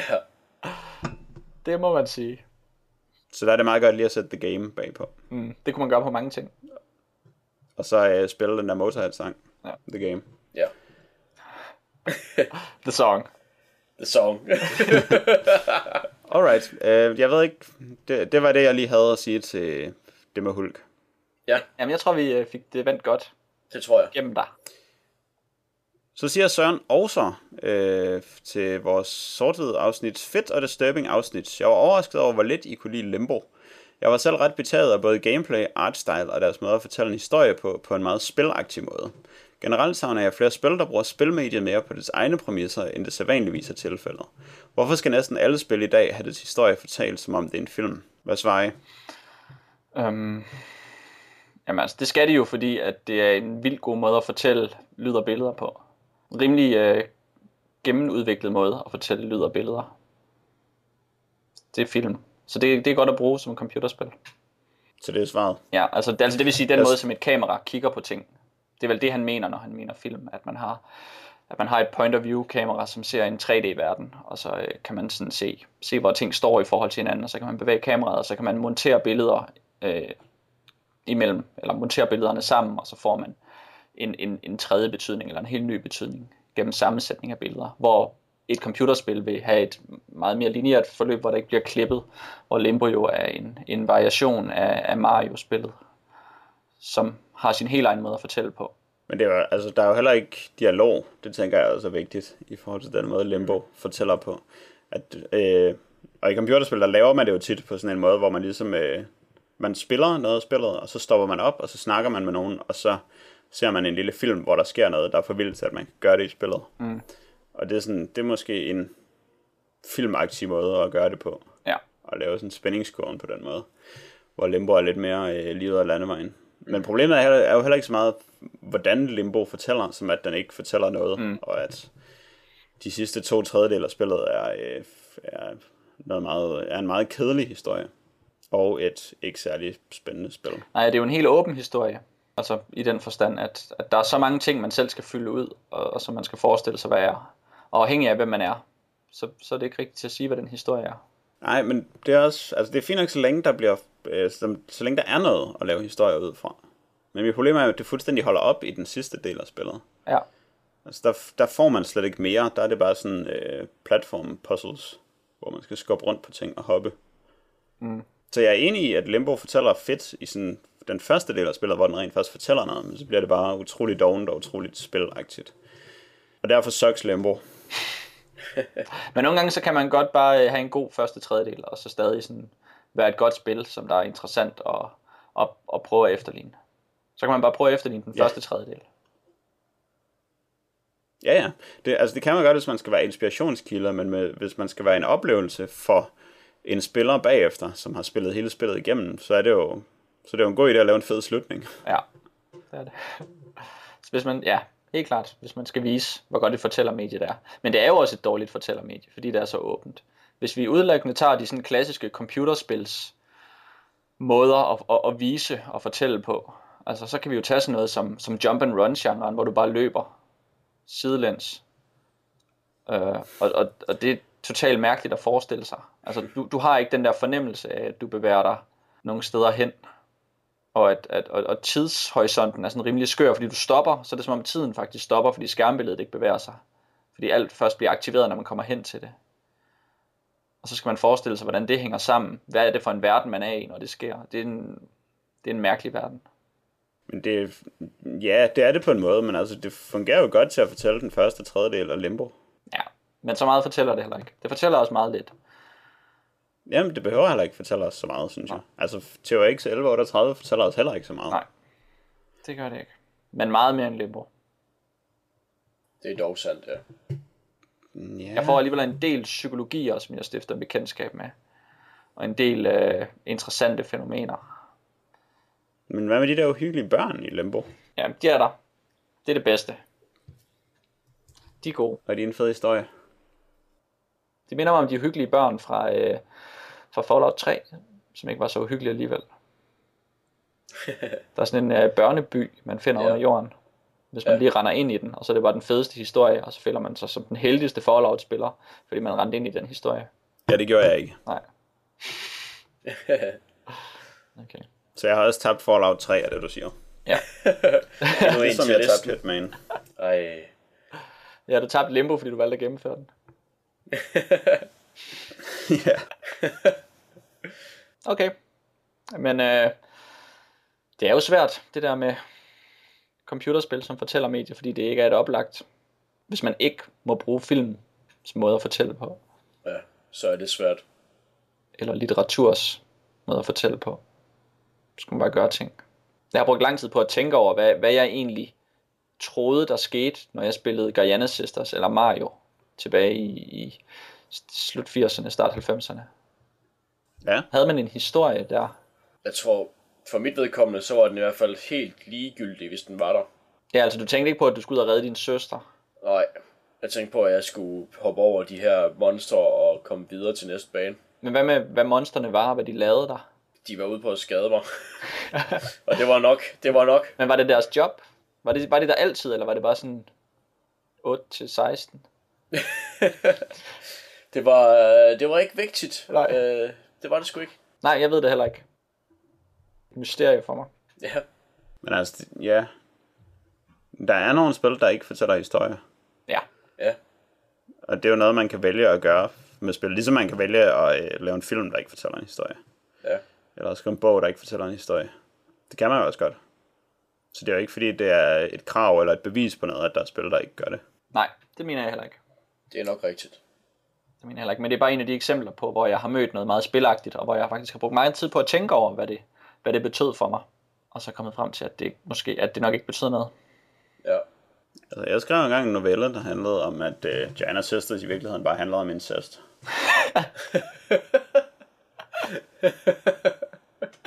Så jeg har også tænkt over, hvad Gianna Sisters handlede Det var om. godt. I virkeligheden. Så den historie blev jeg jo fortalt af Gianna Sisters. Ja. På sin vis. Så, så det er ret traumatisk for dig at spille den der i dag. Ej, det er mega fedt. Okay. Ja, også fordi skurken ikke er en person. Ligesom i Mario, hvor der sådan er en, der gør noget. En, der stjæler prinsessen. Genesis, der er der bare nogle æderkopper og nogle drager i slutningen af banerne, som man sådan lidt giver lidt mere personlighed end de andre monstre. Og det er det. Og så et soundtrack, der siger mere end 1000 ord. Ja. Jeg hører det ind i hovedet lige nu.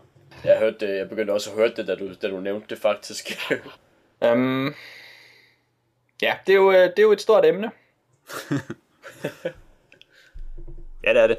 Øh, Jeg, jeg synes, at folk de skal lade sig inspirere af Limbo første tredjedel, og så prøve at fortælle historie i spil. Jeg er helt enig i, at man bør jo eksperimentere med det, som Søren siger. Nogen bør prøve at fortælle historier på mærkelige måder i spil. ja. Jeg synes, uh, The, Stan- The Stanley Parable gør det ret sejt. Og det synes jeg, folk skal spille, fordi det er gratis og tager 10 minutter. Problemet er, at der sker tit det, når man, når man viser folk en alternativ måde at, fæl- at fortælle historier på, end den de er vant til. Så tænker de ikke, åh spændende, en ny slags måde at fortælle historier på, den giver jeg mig lige til at afkode. De tænker, åh det er sådan noget kunst. Ja, Og så, og så, sådan, så glanser de det sådan perifært og, og oplever det lidt, og så stopper de det. Men det ser jeg stadig ikke noget problem med. Nej. Altså, med mindre man, man virkelig laver sit spil, fordi man har en meget, meget vigtig historie, så det er meget, meget vigtigt, at man får alle til at opleve. Men det tror jeg ikke, det er. Altså, jeg tror, man har en historie, som man gerne vil fortælle, og så finder man en måde, det er fedt at fortælle den historie på, og så er der nogen, der ikke fatter det, eller nogen, der ikke kan lide det, og sådan er det jo bare, når man fortæller en historie. Men det ville være svært, øh, hvis man så havde 100 mand, der skulle arbejde i tre år for at lave en AAA-titel, som der skulle udkomme til Xbox, PC og Playstation. Og så, øh, og så lave noget på den måde. Men altså, hvis folk ikke lægger mærke til historien, så ændrer det jo ikke så meget i forhold til, hvordan det er nu. Der er masser af AAA-titler, hvor historien er lige meget. Ja. det er nok rigtigt nok. Så Ja. hvis folk ikke opdager, at den er der, eller det er for svært at forstå den, så det er jo... Det er jo og hvad så? ja. Så øh, ikke flere cutscenes. Aldrig mere cutscenes. For nu er jeg så øh, lukker du øjnene, hver gang der kommer en cutscene, Jack. Og så rapporterer du tilbage om et års tid, og så ser vi, hvad du har lært. Det kommer ikke til at sænke mig et øjeblik i Dungeon Crawls Dungeon. Nej. Nå. Øhm, vi har også et stykke lytterpost. Kan det ikke passe? Har vi det? Ja, det tror jeg. Men mens vi øh, venter på lytterposten, så kan jeg jo også lige reklamere for øh, næste afsnit, afsnit 50, som der Åh, ja. bliver øh, noget fuldstændig spektakulært fantastisk. Nemlig et, øh, en live udgave af DDKK podcast, hvor vi fejrer afsnit 50 ved at streame os selv live. Og det bliver altså tirsdag den 17. kl. 20, og det vil sige tirsdag den 17. juli. Ja. Det bliver vildt. Det, det, bliver, det bliver det vildeste siden brød i skiver, vil jeg nok sige. Ja. Siden skruelåg på mælk. Ja. det bliver også lige så besværligt, men øh, det er måske en helt anden side af sagen. Folk kommer til at brokke sig over skruelåg på mælk, indtil de indser, ja. hvor fantastisk det er. Ja. Og sådan bliver det også med vores live-udgave. ja. Fordi øh, den kommer jo nok til at foregå lidt, øh, lidt anderledes. Det gør den jo nok.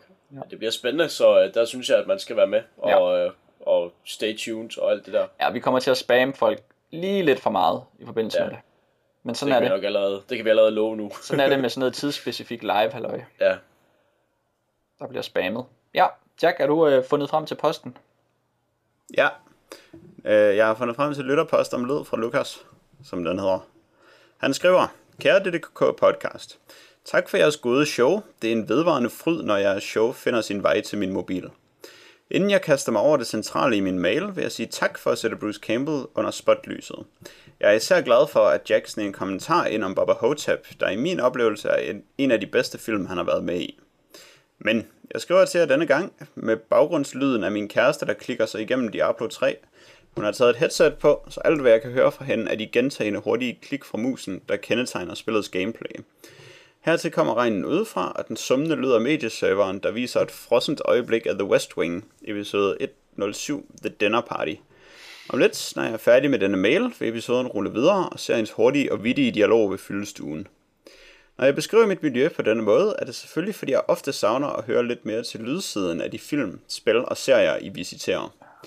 Det betyder selvfølgelig meget for mig, at Dan holder et skarpt fokus på, hvor og hvornår man hører Ministry og Motorhead, men jeg kunne godt tænke mig at høre mere om, hvornår I synes, at lydsiden af en produktion var god. Hertil har jeg et afsluttende spørgsmål til hver af jer. Mit spørgsmål handler om det stykke musik, der spilles først under end credits. Altså en film, et spil eller en tv-series rulletekster. Hvad synes I bedst om? Hvorfor? Og hvilken betydning har det haft for den oplevelse, I lige har haft med den tilhørende produktion? Tak for jeres hårde arbejde. Hilsen Lukas. Blade Runner.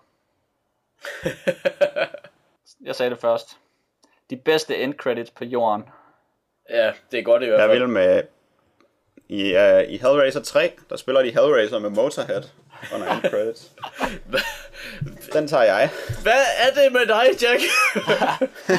Jan, hvis, uh, hvis Jack lige stjal din, så vil jeg godt uh, føde dig ind. Jamen, jeg, vent, jeg, giv mig lige et sekund, så øh, sidder jeg lige og snakker lidt, og så har jeg husket noget lige om lidt. Ah ja. Øhm, slutningen af den første Indiana Jones film. Det er faktisk rigtig fedt også. Et flot øjeblik. Okay, Men hvordan påvirker det jeres øh, oplevelse altså jeg sidder med armene op af i luften. filmen? Det kan, når, det, når det er godt, så kan det virkelig øh, forstærke oplevelsen. Og jeg kan også huske nogle gange, hvor det har været rigtig dårligt. Og så, øh, ja, så, så bliver det nærmest lidt antiklimaktisk slutning på filmen. Ja, for eksempel øh, sådan nogle horrorfilm som Frankenfish. Nej, det er faktisk et godt eksempel, hvor der pludselig kommer en rap af Hot Wheels, der rapper om Frankenfish. Og så bliver den her sådan, måske lidt øh, tragiske slutning, hvor alle blev dræbt af fisken, monsterfisken, den bliver sådan lidt fjollet og sjov alligevel. Ja, Og det er sådan noget, Og ligesom i Maniac Cop 2, Ja. hvor de har Maniac Cop rappen til sidst. Ja. det er simpelthen, ja, det skal, det skal de ikke have. Der var også sådan en mani med i, øh, jeg mener, det har været i nærmest hele 90'erne, at øh, i horrorfilm, eller de der Hollywood horrorfilm i hvert fald, så skulle de bare bruge new metal på soundtracket. Mm.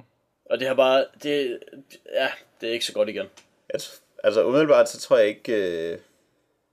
Jeg tror ikke, det påvirker det, jeg lige har oplevet særlig meget. altså Musikken under end credits. Nej, altså nu, nu taler jeg jo, for mit eksempel på Blade Runner, der kommer det jo ind over slutningen af filmen. Mm. Så det kommer jo med i filmen og sætter sådan en sindssyg episk stemning, som om nu kører de fandme bare et sted hen i den her elevator, efter de har kigget på den her origami halløj, øh, himster gems, og så bliver Ja. det vildt. Ja. Men øh, ellers så vil, jeg, så vil jeg mene, at, at, at altså, der er faktisk skrevet mange bøger og artikler omkring, hvad credits betyder i forhold til filmens univers og, og fortæller stedet. Um, jeg, jeg synes, det er noget, som man ikke skal bruge til noget. noget, man skal ignorere. Fordi, Men det er lidt svært at ignorere, hvis man sidder og ser dem. ja. Men altså, Hvis der er jo også... Maniac Cop 2 rappen. Der er, der er også en stor historisk udvikling af, hvordan man bruger end credits, og hvilken form de har. Uh, for eksempel den klassiske Hollywood uh, guldalder, hvor det bare siger, da da da, the end færdig. Og så, så, så, så er Ja. det som om, man lige er faldet ned fra, uh, fra himlen og sidder uh, sådan i en bunke skrald eller et eller andet, fordi man, altså, man er helt paf over, at nu er filmen slut, og det gik lynhurtigt. Mm. Så, så det er jo noget, altså noget forholdsvis nyt, eller noget, der er kommet sådan fra midt, midt 70'erne og frem, at man begyndte at have credits på den der måde, mm-hmm. som vi har det i dag. Jeg synes, det er meget godt. Øh... Jeg synes, det er godt, at man har credits på den måde. Jeg kan godt lide dem. Jeg kan Ja. godt lide at øh, sidde og øh, komme til mig selv igen, mens de ruller. Ja. Men det, jeg synes ikke, det påvirker min oplevelse. Og jeg tror ikke, jeg går særlig meget op i, hvad for noget musik, der er under end credits. Men mindre det er en sej rap, der handler om filmen, eller en Motorhead-sang, der er øh, meget passende. Ja, men altså det Det er også... op i det, men det er mest, fordi jeg godt kan lide musikken. Der er også ret mange tilfælde af, af fede raps til, sidst i, til sidst i film. Er der mange af dem? Det tror jeg. Okay. Er det som om. Turtles? Åh oh, ja, Ninja Rap, det er Ja. rigtigt. Det er rigtig godt. det er sgu godt. Ja, ja okay, jeg er solgt så. så den, ja, den tager jeg. Og så som vi var inde på. Men Lukas, han spørger jo også, øh, om vi ikke skulle tale noget mere om, om lydsiden i noget har været godt. Altså jeg, jeg tror faktisk også, at vi gør det ret tit. Men, men det er ret kort, når vi taler om det. Og jeg ved også godt, at folk, der lytter til podcasts, det er ikke for... at- Eller det ikke, men, men tit så lytter folk jo sådan lidt on and off til podcast. Og jeg tror måske, hvis vi taler om noget musik i forbindelse med et emne, så gør vi det måske i, i sådan 20 sekunder. Det er fordi vi tit, vi sjældent har særlig meget at sige om det, når vi gør det. Mm. Så det er måske mere det, der er problemet. Det er ikke øh, noget, der får sådan særlig mange kommentarer frem og tilbage. Vi nævnte det i forbindelse med THX 1138, eller jeg gjorde i hvert fald, meget kort. Ja. Men jeg tror, øh, altså jeg tror, ja, men vi kan nok ikke sige så meget andet, end om det var godt eller skidt. Og hvis vi nævner det, så er det fordi, det har været godt. I Bloodlines talte vi ret meget virkelig skidt. om musikken. ja, Men det var så også Ministry indenover. det er rigtigt nok. Det kan vi da godt tale lidt mere om, hvis det skulle være. Maniac Cop rappen, tror jeg blev nævnt. uh, Still Life havde den der Teapot sang. Nej, Seat hed den. Åh oh, ja, det er rigtigt. Åh oh, ja, så det var et, et øh, prima eksempel på, at, at det gjorde filmen endnu mere irriterende, at det sluttede af med den sang. Og Christina Wraith, der talte vi meget om intromusikken. Ja, Så det sker, men måske ikke nok. Men altså, ja. det var også måske heller ikke det, vi er stærkest til. Stærkest i. Nej, altså, jeg, jeg tror, vi taler vel bare sådan om det, vi har noget at sige om. Og der tænker vi måske ikke så meget på lydsiden. Nej, ikke medmindre den har gjort et fedt indtryk. Ja, det er meget muligt, at det er sådan, det hænger sammen. The Blob-sangen. Ah, den er, den, den talte vi da om. Ja, den var også god. Ja. Men vi kan da lige uh, sige, at næste gang, så giver vi den lige en ekstra skalle. Ja. Se hvad der sker, hvis vi husker det. Det bliver så, som nævnt, Ja, til vores live-afsnit. til vores live-afsnit. Der kommer vi ikke til at kunne love noget, fordi der kommer stemningen til, til at gå højt. Til, ja. Ja. Og der kommer garanteret til at være sådan en kavalakade af tekniske problemer, der gør, at, at vi kan alligevel kun kommer til at transmittere en tredjedel af det, vi laver. Jeg er nødt til bare at sende Motorhead på grund af tekniske problemer det meste af tiden. Ja. Ja. Nå, men øh, mine damer og herrer, jeg tror, det var øh, jeg tror, vores episode 49 er ved at ebbe ud. Det tror jeg også. E-mailadresse. Og inden det skal vi lige øh, høre fra Dan, hvad man vil gøre, hvis man ligesom Lukas vil, vil have fat i os, og lige øh, fortælle os øh, sådan lidt, øh, lidt stemningsbillede af, hvor man er, og hvad man synes om noget. Ja, ja vi er jo vilde med post, så, øh, så skriv til os på øh, tabt ddkkpodcast.dk og, og øh, ja, fortæl, hvor mange spil I har tabt, for eksempel. Okay, Peder, jeg har et forslag. Ja. Skal vi ikke få uh, Lukas til at finde på vores e-mailadresser i stedet for? Altså det her brev, det var sendt til Oh my god, I can't believe it's not sugar at ddkpodcast.dk. Er det, det, har sådan lidt mere umf. Dan, jeg tror, du skal op i dit game. Okay. Jamen, jeg, jeg er lidt bange for at lave alt for lange e-mailadresser. Hvorfor? Det, det, Men det kan jeg da også bare lade være med at være bange for. Nå, jeg har det bare som om, du sådan vil ikke for langt væk fra Mos. Jo, øh, jeg har bare forsøgt at holde dem kort, men jeg, jeg kan da godt bare lade være med det. Jamen, du gør det, du gør et godt arbejde, Dan. Det, og jeg er sikker på, at det bliver endnu bedre for fremtiden. Det gør det og garanteret. længere, Dan. Længere. Jeg vil virkelig gerne have Længere. længere e-mailadresser. Det, det skal nok kunne lade sig gøre. Godt. Det, Fedt. øh, det er i dag, tirsdag den 3. juli, og det betyder, at vi er, som nævnt, tilbage igen om 14 dage til episode 50. Farvel og tak. Uh.